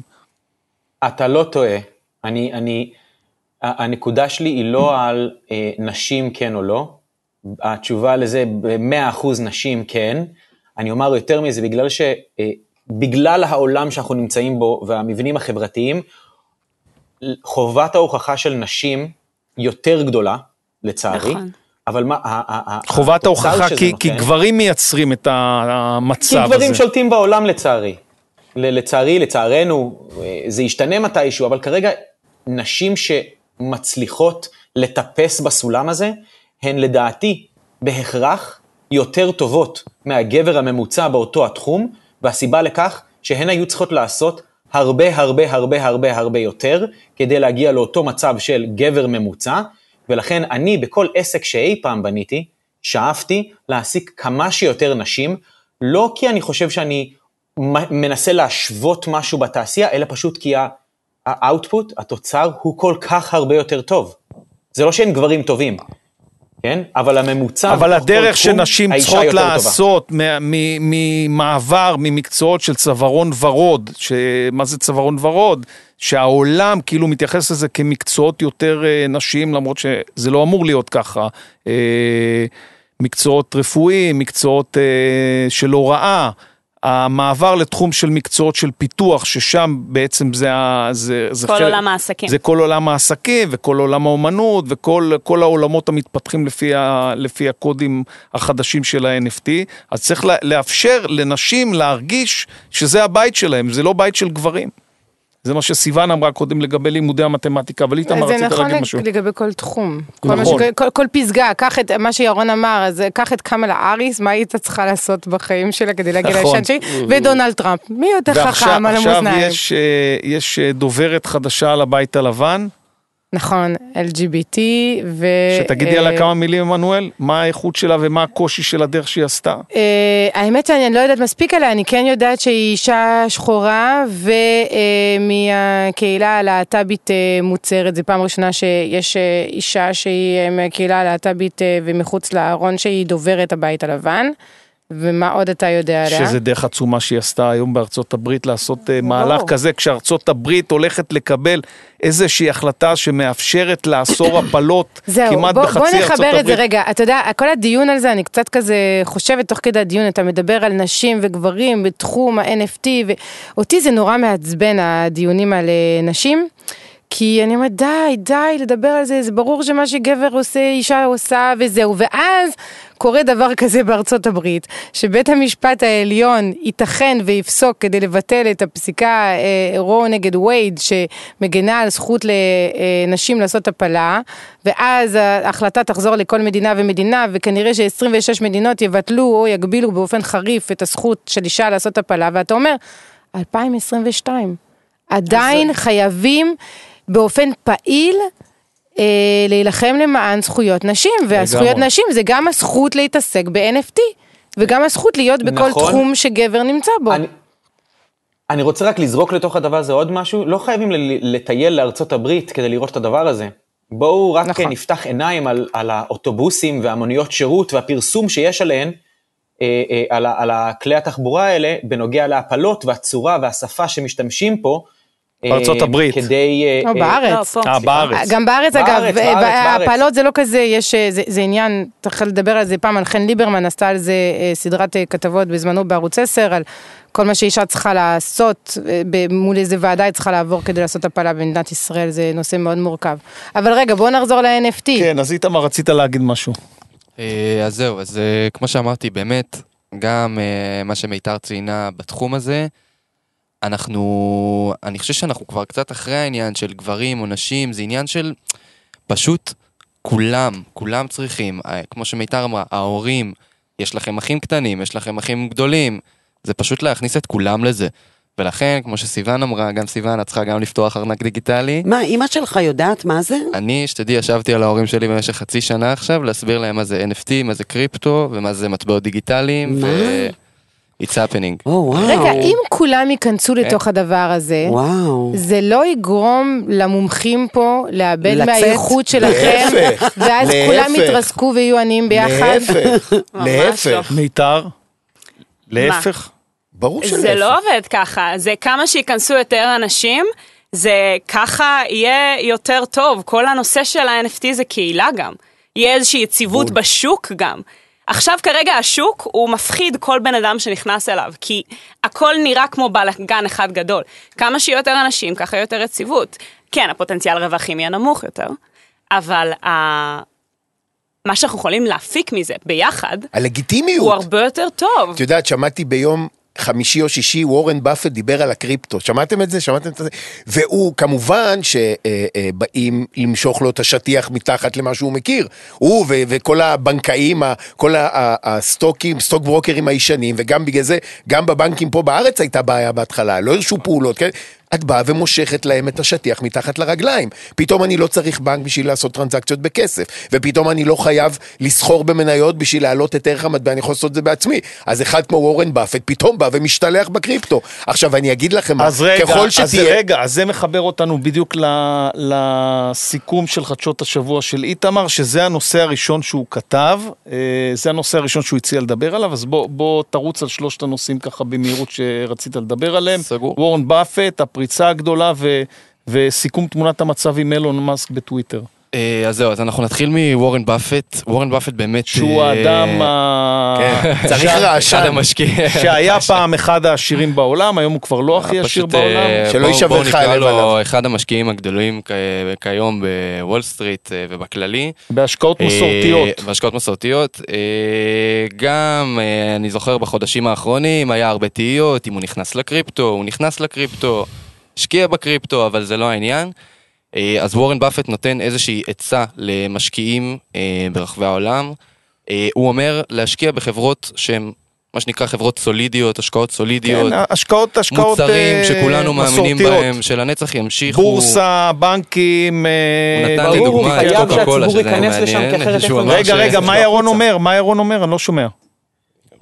שוורן באפט ושאר הקאדר הזה חייבים שאנחנו, הציבור, ניכנס פנימה למניות היציבות במרכאות, כדי שיהיה להם איך למשוך את הכסף ברור. החוצה. בוודאי. אחרת הם תקועים עם מה שנקרא holding their own bags. בקיטור, אז הוא מפחד שההשקעות אה, בורחות ל- ל- למועדון הזה מהיד. אתה יודע שהוא יותר מזה, הוא דיבר על מקדונלד דאגלס. בזמנו על המניה של מקדונלד דאגלס, ואתה אומר שתי תעשיות מתחברות פה. תעשיית המלחמה העולמית שחייבת מנועים למסוקים ומטוסים, שאפשר יהיה להמשיך להפציץ אה, אה, אה, בכל העולם כי זה, ושתיים, הכסף ה- הישן שימשיך בדיוק מה שירון אמר. אחרת הם, הם מחליפים גרביים מסריחים אחד עם השני. והנושא השני שרצית לדבר עליו זה, ה- זה פריצה ענקית שהייתה עכשיו ל- לבורסה ענקית של קריפטו. דיברנו על זה כבר אה, הרבה, ארנק חם, ארנק קר, איך פורצים, איך כן. גונבים, איך שודדים. אז זהו, אז אה, לדעתי אנחנו ככה גם נתחיל אה, מטוויטר, כי טוויטר בו יותר מעניין אותנו בסופו של רגע, דבר. רגע, לא, לא, בוא נדבר על הפריצה ואז נסגור עם טוויטר. אוקיי, אז, אה, אז ככה, אה, אז אנחנו מדברים באמת על אה, פריצה ל-OpenSea, לדיסקורד של OpenSea. שמה זה OpenSea ומה זה דיסקורד? אוקיי, אז OpenSea זו פלטפורמת ה-NFT,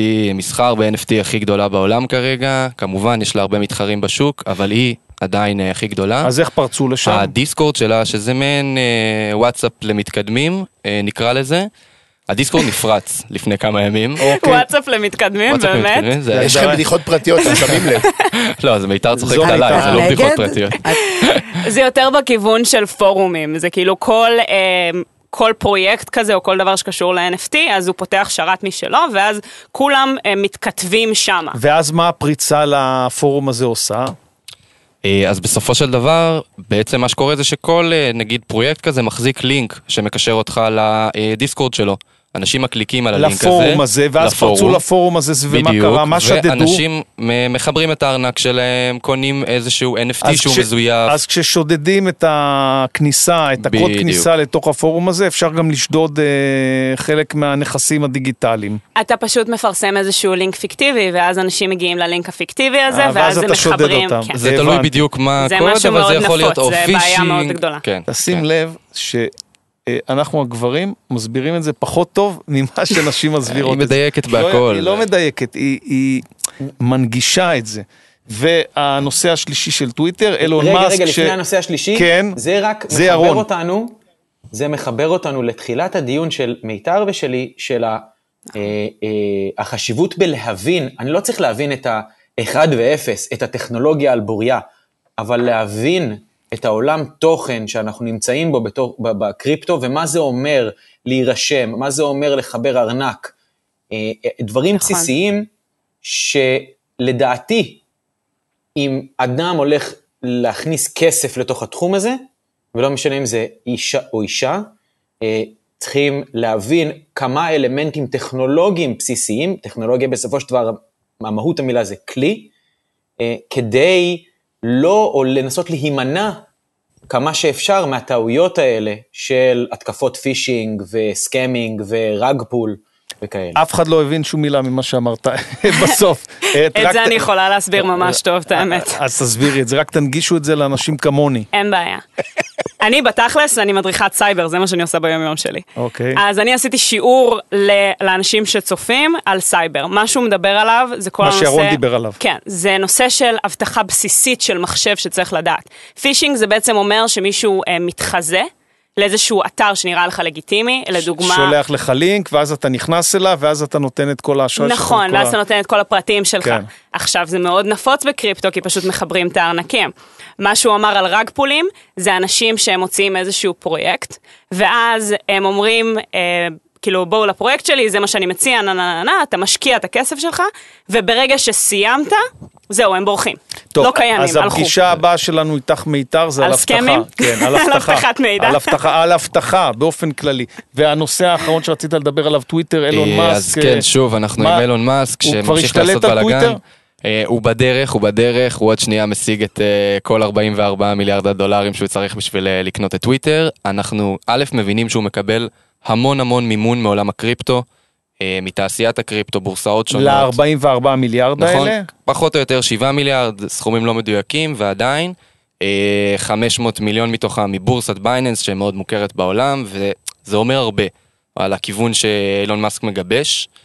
מעבר כיוון, לזה, כיוון, של, כיוון שהוא מאוד מבוזר, שהוא בעצם לא יהיה נכון. בובת חוטים של אה, כל מה שהוא מדבר עם חופש מוסדות הביטוי, פיננסיים בעולם, אלא בעצם הוא יהיה חיה חופשית שלא חייבת שום דבר לאף אחד, אלא רק לציבור המבוזר שמממן אותו. אבל זה עדיין לא רוב המימון שלו. נכון. זה לא, חלק זה אומר- קטן. זה לא, זה זה אומר- בוא נשווה. זה אומר משהו על מה שהוא אמר על ה... ירון, כן. סליחה. בוא נגיד שגם אה, אה, A16Z, שזה אנדריסן הורוביץ. דבר בעברית, בעברית אף אחד לא מבין כלום, אני לא מצליח להבין שום. דבר. זה השם שלהם. השם של מי? A16Z. אלוהים אדירים. הם קרן גידור סופר ריכוזית, אוקיי. שאפילו המייסד של טוויטר, ג'ק דורסי, יצא כנגדם אה, מספר פעמים בכל מה שקשור בשליטה. אה, והם גם שמו צ'ק של, אה, אם אני לא טועה, 500 מיליון בטוויטר. טוב, חברים, ל- לתוך אילון. רגע, שאלה אחרונה, שאלה אחרונה, אלדד, בחייך, תהיה בן אדם. תתאפק, תתאפק לשבוע הבא, יש לנו עוד. פינה. אה, הכריזמה שלך שכנעה אותי. תתאפק, שבוע הבא אנחנו בעוד פינת קריפטו, אין למיתר, אין אה, מילואים בשבוע הבא, או ואין חופשות. לה- ואין לה הרצאה ואין לה מחויבות אחרת, אז היא כאן. אה, איתמר ברור וירון אה, מניו יורק זה ברור. יאללה חברים, תודה רבה. אנחנו מתחילים עם אה, פינה חדשה, שנראה אם היא תתפוס, בגלל שבפודקאסט יש המון המון בעיות אה, לשדר מוזיקה, זכויות יוצרים וכאלה, אז באמת אפשר רק לשדר אה, מוזיקה מקורית של אומנים שבאים ו- ומציגים את המוזיקה שלהם. אז אנחנו מתחילים היום עם אה, וידי, שהוא... שלום. אהלן, אהלן. תכף אתה. תציג את עצמך. אה, הוא סולן של אה, להקה שחבר בה גם עומר העורך סאונד שלנו, ותכף עומר יצטרף עם ה... הנה, הנה, התמקמתי. מה זה גיטרה או בס? אני אף פעם לא מזהה. זה- זאת גיטרה חשמלית. גיטרה אה, חשמלית. תוצרת ישראלית. תוצרת ישראלית ווידי, וכשעומר הציג את הלהקה שלכם, הוא אמר לי, זה להקת שוליים. אחרי דקה ששיחה התברר שזה לא שוליים ולא נעליים, כי אתם אה, מופיעים המון בחו"ל ומגיעים להופעות שלכם 500 ו-600 אנשים בגרמניה ובמקומות אחרים, ופשוט המוזיקה שלכם באנגלית, אז מאיזושהי סיבה פחות מקשיבים לה בעברית, אבל בוא תספר על הלהקה שלכם. אז אהלן, קוראים לי וידי, אני הסולן של אה, להקת Subterranean Masquerade. עוד פעם, לאט לאט שיצליחו לעקוב אחריהם. סבתריניאן מסקרייד. נשף מסכות תת-קרקעי. למי ששאל, וגם אפשר לקרוא לנו Sub Masq. פשוט בקיצור. ואת- מעולה. ואתם בכל הפלטפורמות אנחנו וכולי. בכל הפלטפורמות, אנחנו אה, גם להקה- בווייניל. גם בווייניל. גם שלא בווייניל. הבאנו היום. אנחנו הפלטפורמה. החשובה ביותר. נכון, זה נכון, כי היא חזרה, בענק, בענק, זה בענק. דיברתם. קודם על NFT, אבל אפשר לדבר גם, דיברתם קודם על NFT, אבל אפשר גם לדבר על, אה, על שוק התקליטים ומה שקורה בו עכשיו, והדיגיטל לעומת החזרה למוצרים פיזיים ולצורך הזה גם של בני אדם. וואו, מעניין. את יודעת שאילי מנגן בתדר, אז הוא מנגן עם, עם תקליטי ויניל ערב שלם, שאני מסתכל, הוא מוציא את זה מהשקית. אתה על ה turntables כל הזמן? בין היתר. מדהים, מדהים. הלהקה זה שניכם או יש עוד מישהו בלהקה? לא, אנחנו זה- שישה חבר'ה שפרוסים אה, מתל אביב ועד אה, רמת הגולן, ממש ככה על השפיץ, שם באזור בני עמנואל יהודה. רוצה שמות. תומר פינק, שי ילין, גולן פרחי, אלון שחורי, עומר פישביין, אור שלו ואני וידי, היי, וידי דולב. ויש גם כל מיני אה, אנשים שהם כבר בצוות שלנו, שאו מתארחים איתנו קבוע, מתן שמואלי, שגם אה, ניגן איתנו תופים אה, בחלק מהאלבומים, ואנחנו בכללי להקה מודולרית, אה, שבה יש חבר להקה שגר בחו"ל בכלל, ועובדים המון מרחוק, אז אה, זה גם איזשהו עניין. אז איך אתם ממלאים אה, הופעות בגרמניה איך ופחות קורה? בישראל? איך זה קורה? אז אה, קודם כל הז'אנר שאנחנו הגענו ממנו של הרוק הכבד, נראה שאף פעם לא תפס פה, מאיזושהי סיבה, אף פעם לא תפס פה, למרות שבשנות ה-80 היה כאן את הרוקסן וכל הדברים האלה הקליק ואת שהתפוצצו. הזה. נכון. אמ, אני הגעתי בסוף, אני נולדתי בסוף שנות ה-80, אז אני חי על הרומנטיקה של החבר'ה המבוגרים יותר בלהקה. אמ, באיזשהו שלב אני, אה, בסביבות גיל 24-25, אה, החלטתי שאני עוזב את המדינה ושאני רוצה לראות מה קורה במקומות אחרים, ועברתי לגור בסקנדינביה, כי סקנדינביה זה המקום עם היצוא התרבותי הכי גדול, שהממשלות שם משלמות ללהקות רוק כבד להכין את התקליטים שלהם ולצאת לסיבובי הופעה בכל העולם, כחלק מעניין הדוברות. זאת אומרת, שיש תחום שנקרא נגיד הבלק מטאל הנורבגי, שבעבר, בתחילת השנות ה-90, החבר'ה האלו היו אנרכיסטים שספרו כנסיות, והיום המדינה משלמת כסף כדי שהם יוכלו לנסוע בעולם, לנגן את המוזיקה שלהם, שנחשבת למוזיקה קיצונית, ויש להם אלפי אה, עוקבים בכל העולם. והם בעצם שגרירי המדינה. והם משמשים לגמרי. בסו- בתור שגריר תרבותי של ענק. המדינה. אמ, פה בישראל עוד אין לנו את זה. פה בישראל הסצנה שהיא קיימת כבר איזה 30 שנה כאן, למעשה רק בעשורים, ה-15 שנה האחרונות, אנשים התחילו לעבוד מתוך ה... אה, פנימה. מה שנקרא, כשבעיקר מה שאנחנו חווים עכשיו בתקופת הקורונה, קורה משהו מאוד מאוד מאוד מיוחד, שבעצם אנחנו, שבחצי עשור האחרון עושים סיבובי הופעות בכל העולם, ולפנינו הייתה להקה, עדיין יש אורפנדלנד, שהם שגרירים שלנו בכל העולם, לחבר'ה יש אשכרה תעודה. מטורקיה. להקה ישראלית פה מיפו, שיש להם אזרחות כבוד מטורקיה, ופרסים לשלום ודברים כאלה.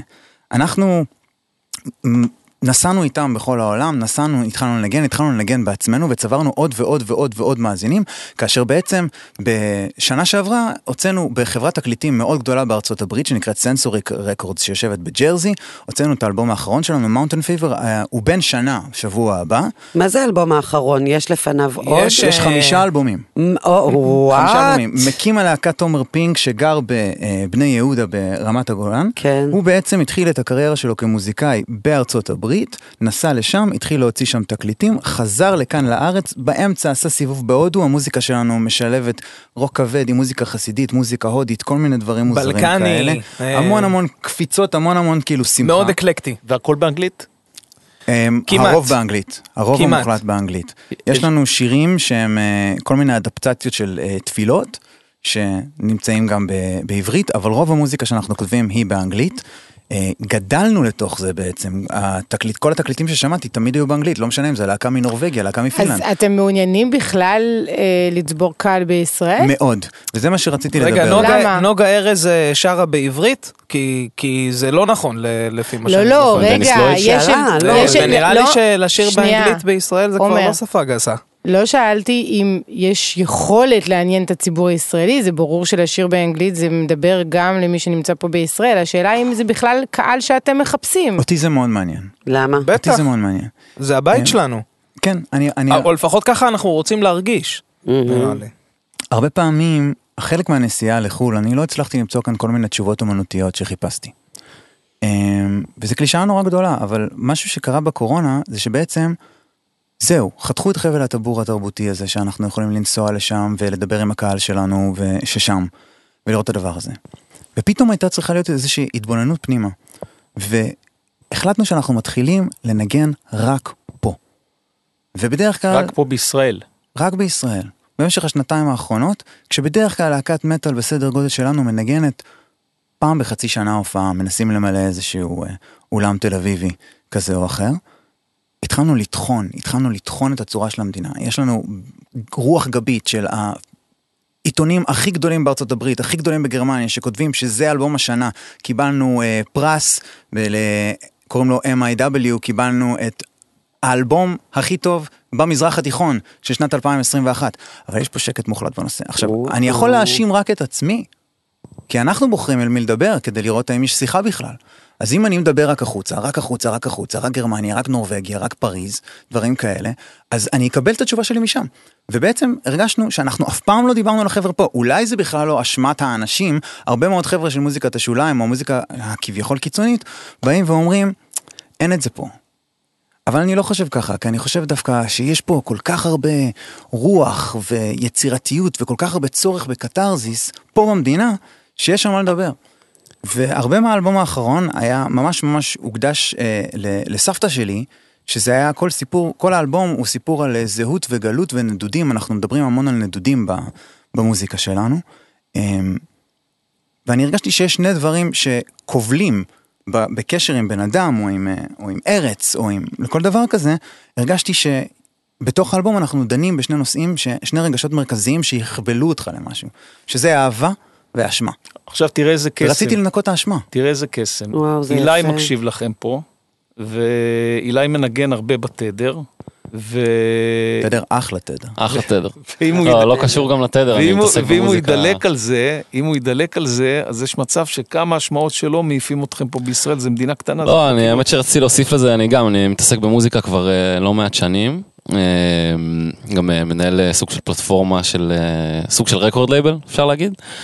מה זה אה, רקורד לייבל למי שלא מבין? אה, סוג של חברת תקליטים, רק ששוב, דיברנו על תקליטים קודם, רק שהתקליטים הפיזיים זה כבר היום קצת פחות אה, המנוע הכלכלי העיקרי, נגיד את זה זה ככה. תקליטי דיגיטל. תקליטי דיגיטל אפשר לקרוא לזה. ברשת, כן. גם חברות אמ, התקליטים מתנהגות אחרת ממה שאנחנו זוכרים ברומנטיקה של ה-70's, של אה, מישהו שצעד אותך בבר ואומר, לגמרי. אני אעשה ממך כוכב, זה לא עובד ככה, ואילי בטח יכול לומר, כן, אה, חבל מאוד, אבל... אה, כן, אנחנו מנהלים קרוב ל-30 אומנים, רק אה, להקה אחת נמצאת פה בישראל, כל השאר מפוזרים בכל מיני מקומות בעולם, והלוואי והייתי צד אותם בברים, נגיד את זה ככה.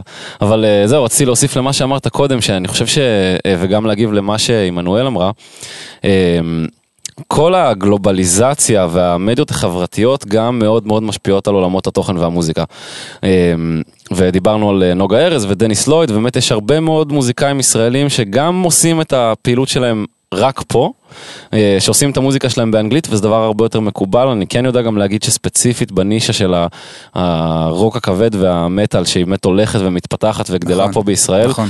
אה, רוב הלהקות עד כמה שידוע לי עושות את המוזיקה שלהם באנגלית, חלקם גם באמת מצליחות למלא אולמות גם פה וגם מעבר לים, נכון. להקות כמו לאבי אורוויץ' או חלם. אה, או אה, או שרדד, או נכון, סקרדסט, לגמרי. להקות שבאמת אה, יש ליינאפים גדולים באירופה שמפוצצות בשמות של להקות ישראליות בכלל בלי שאף אחד יודע. נכון. אתם מבינים? זה- אה. עצוב, זה קצת אה, עצוב. אז אני לא חושב שזה עצוב, אבל זה גם. גדל. לא, אבל יש גם עניין של דור. אתה מדבר פה על, אני מנסה להתחבר למה אני מכירה במטאל. ואני לא יודעת אם זה נחשב. בכלל, לא, זה לא. מטאל. אבל אני אז חושבת Deep Purple. חיממתי אותם בסנט פטרסבורג. זה מדהים. וואו. זה טוב, מדהים. אתם הולכים לנגן אבל מטאל עכשיו באולפן לא. הקטן הזה? אנחנו ננגן בלאדה. יאללה, אוקיי. יאללה, יאללה. יאללה. איזה שיר? קוראים לשיר Diaspora My Love. והוא מהאלבום האחרון שלנו, שהוא בן שנה, אה, שקוראים לו Mountain Fever. אתה כותב את השירים אגב? אני כותב את הטקסטים, הלהקה כותבת ביחד, בהנהגתו של אה, תומר פינק. ואתה שר? כן. אתה אתה אתה סולן? אוקיי. כן. יאללה, קדימה הפועל. הפועל. תרים פה בווליום טיפה נשמה קטן. קדימה הפועל, ואנחנו נפרדים מכם בסוף השיר, ומתראים בפרק הבא. תגובות, הערות, נאצות, קשקושים, לוואטסאפ שלי 0523-436-409. דיאספורה מי לוב.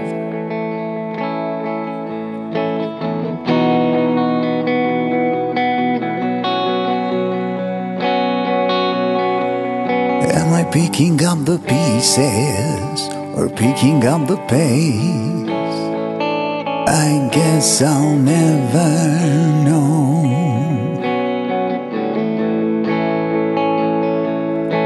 The length of the endeavor with strength upon a strength.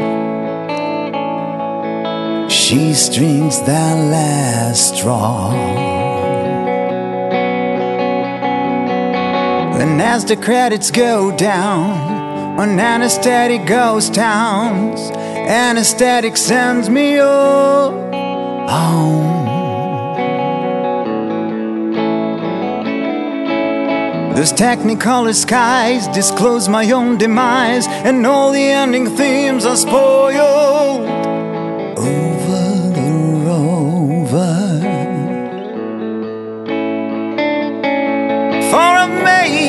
poplar branch my crown. I hung my harp, I've been let down.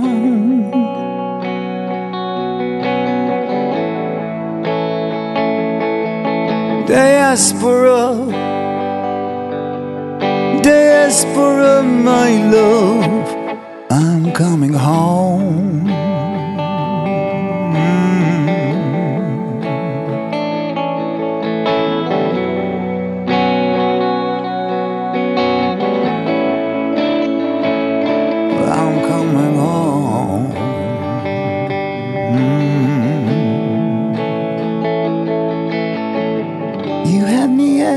told you so. This punishment, this endless joke. Geographies I do not know. Despite your spiteful ember goes. Not the emperor, but his clothes. I reached and touched the afterglow.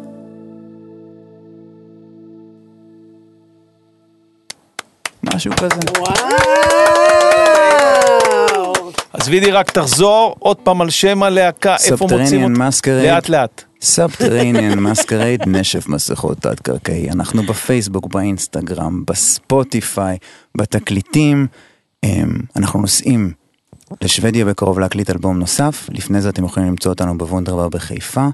ובקרוב אנחנו 28 נכריז. לחמישי, תן, תן את הכל. מוצ"ש עם ווקווייז, וונדרבר, חיפה. ובקרוב נכריז על הופעה בתל אביב. האחרונה הייתה עם אדם הזמר, הופעה פורים וואו. מטורף. יאללה, אני באה, אני באה, אני כיף, באה. תבואו, עמנואל, בואי נלך. שמעתם את אדם? קחי אותי. נלך לזרוק חזיות על הבמה. מוזמנים, מוזמנים. עומר, תודה, תודה, תודה שהכרת לנו את הלהקה המופלאה שלכם, ואילי, צריך להרים אותם בתדר. נראה לי הם אה, יכולים להרים את. התדר איתם, מה זאת אומרת?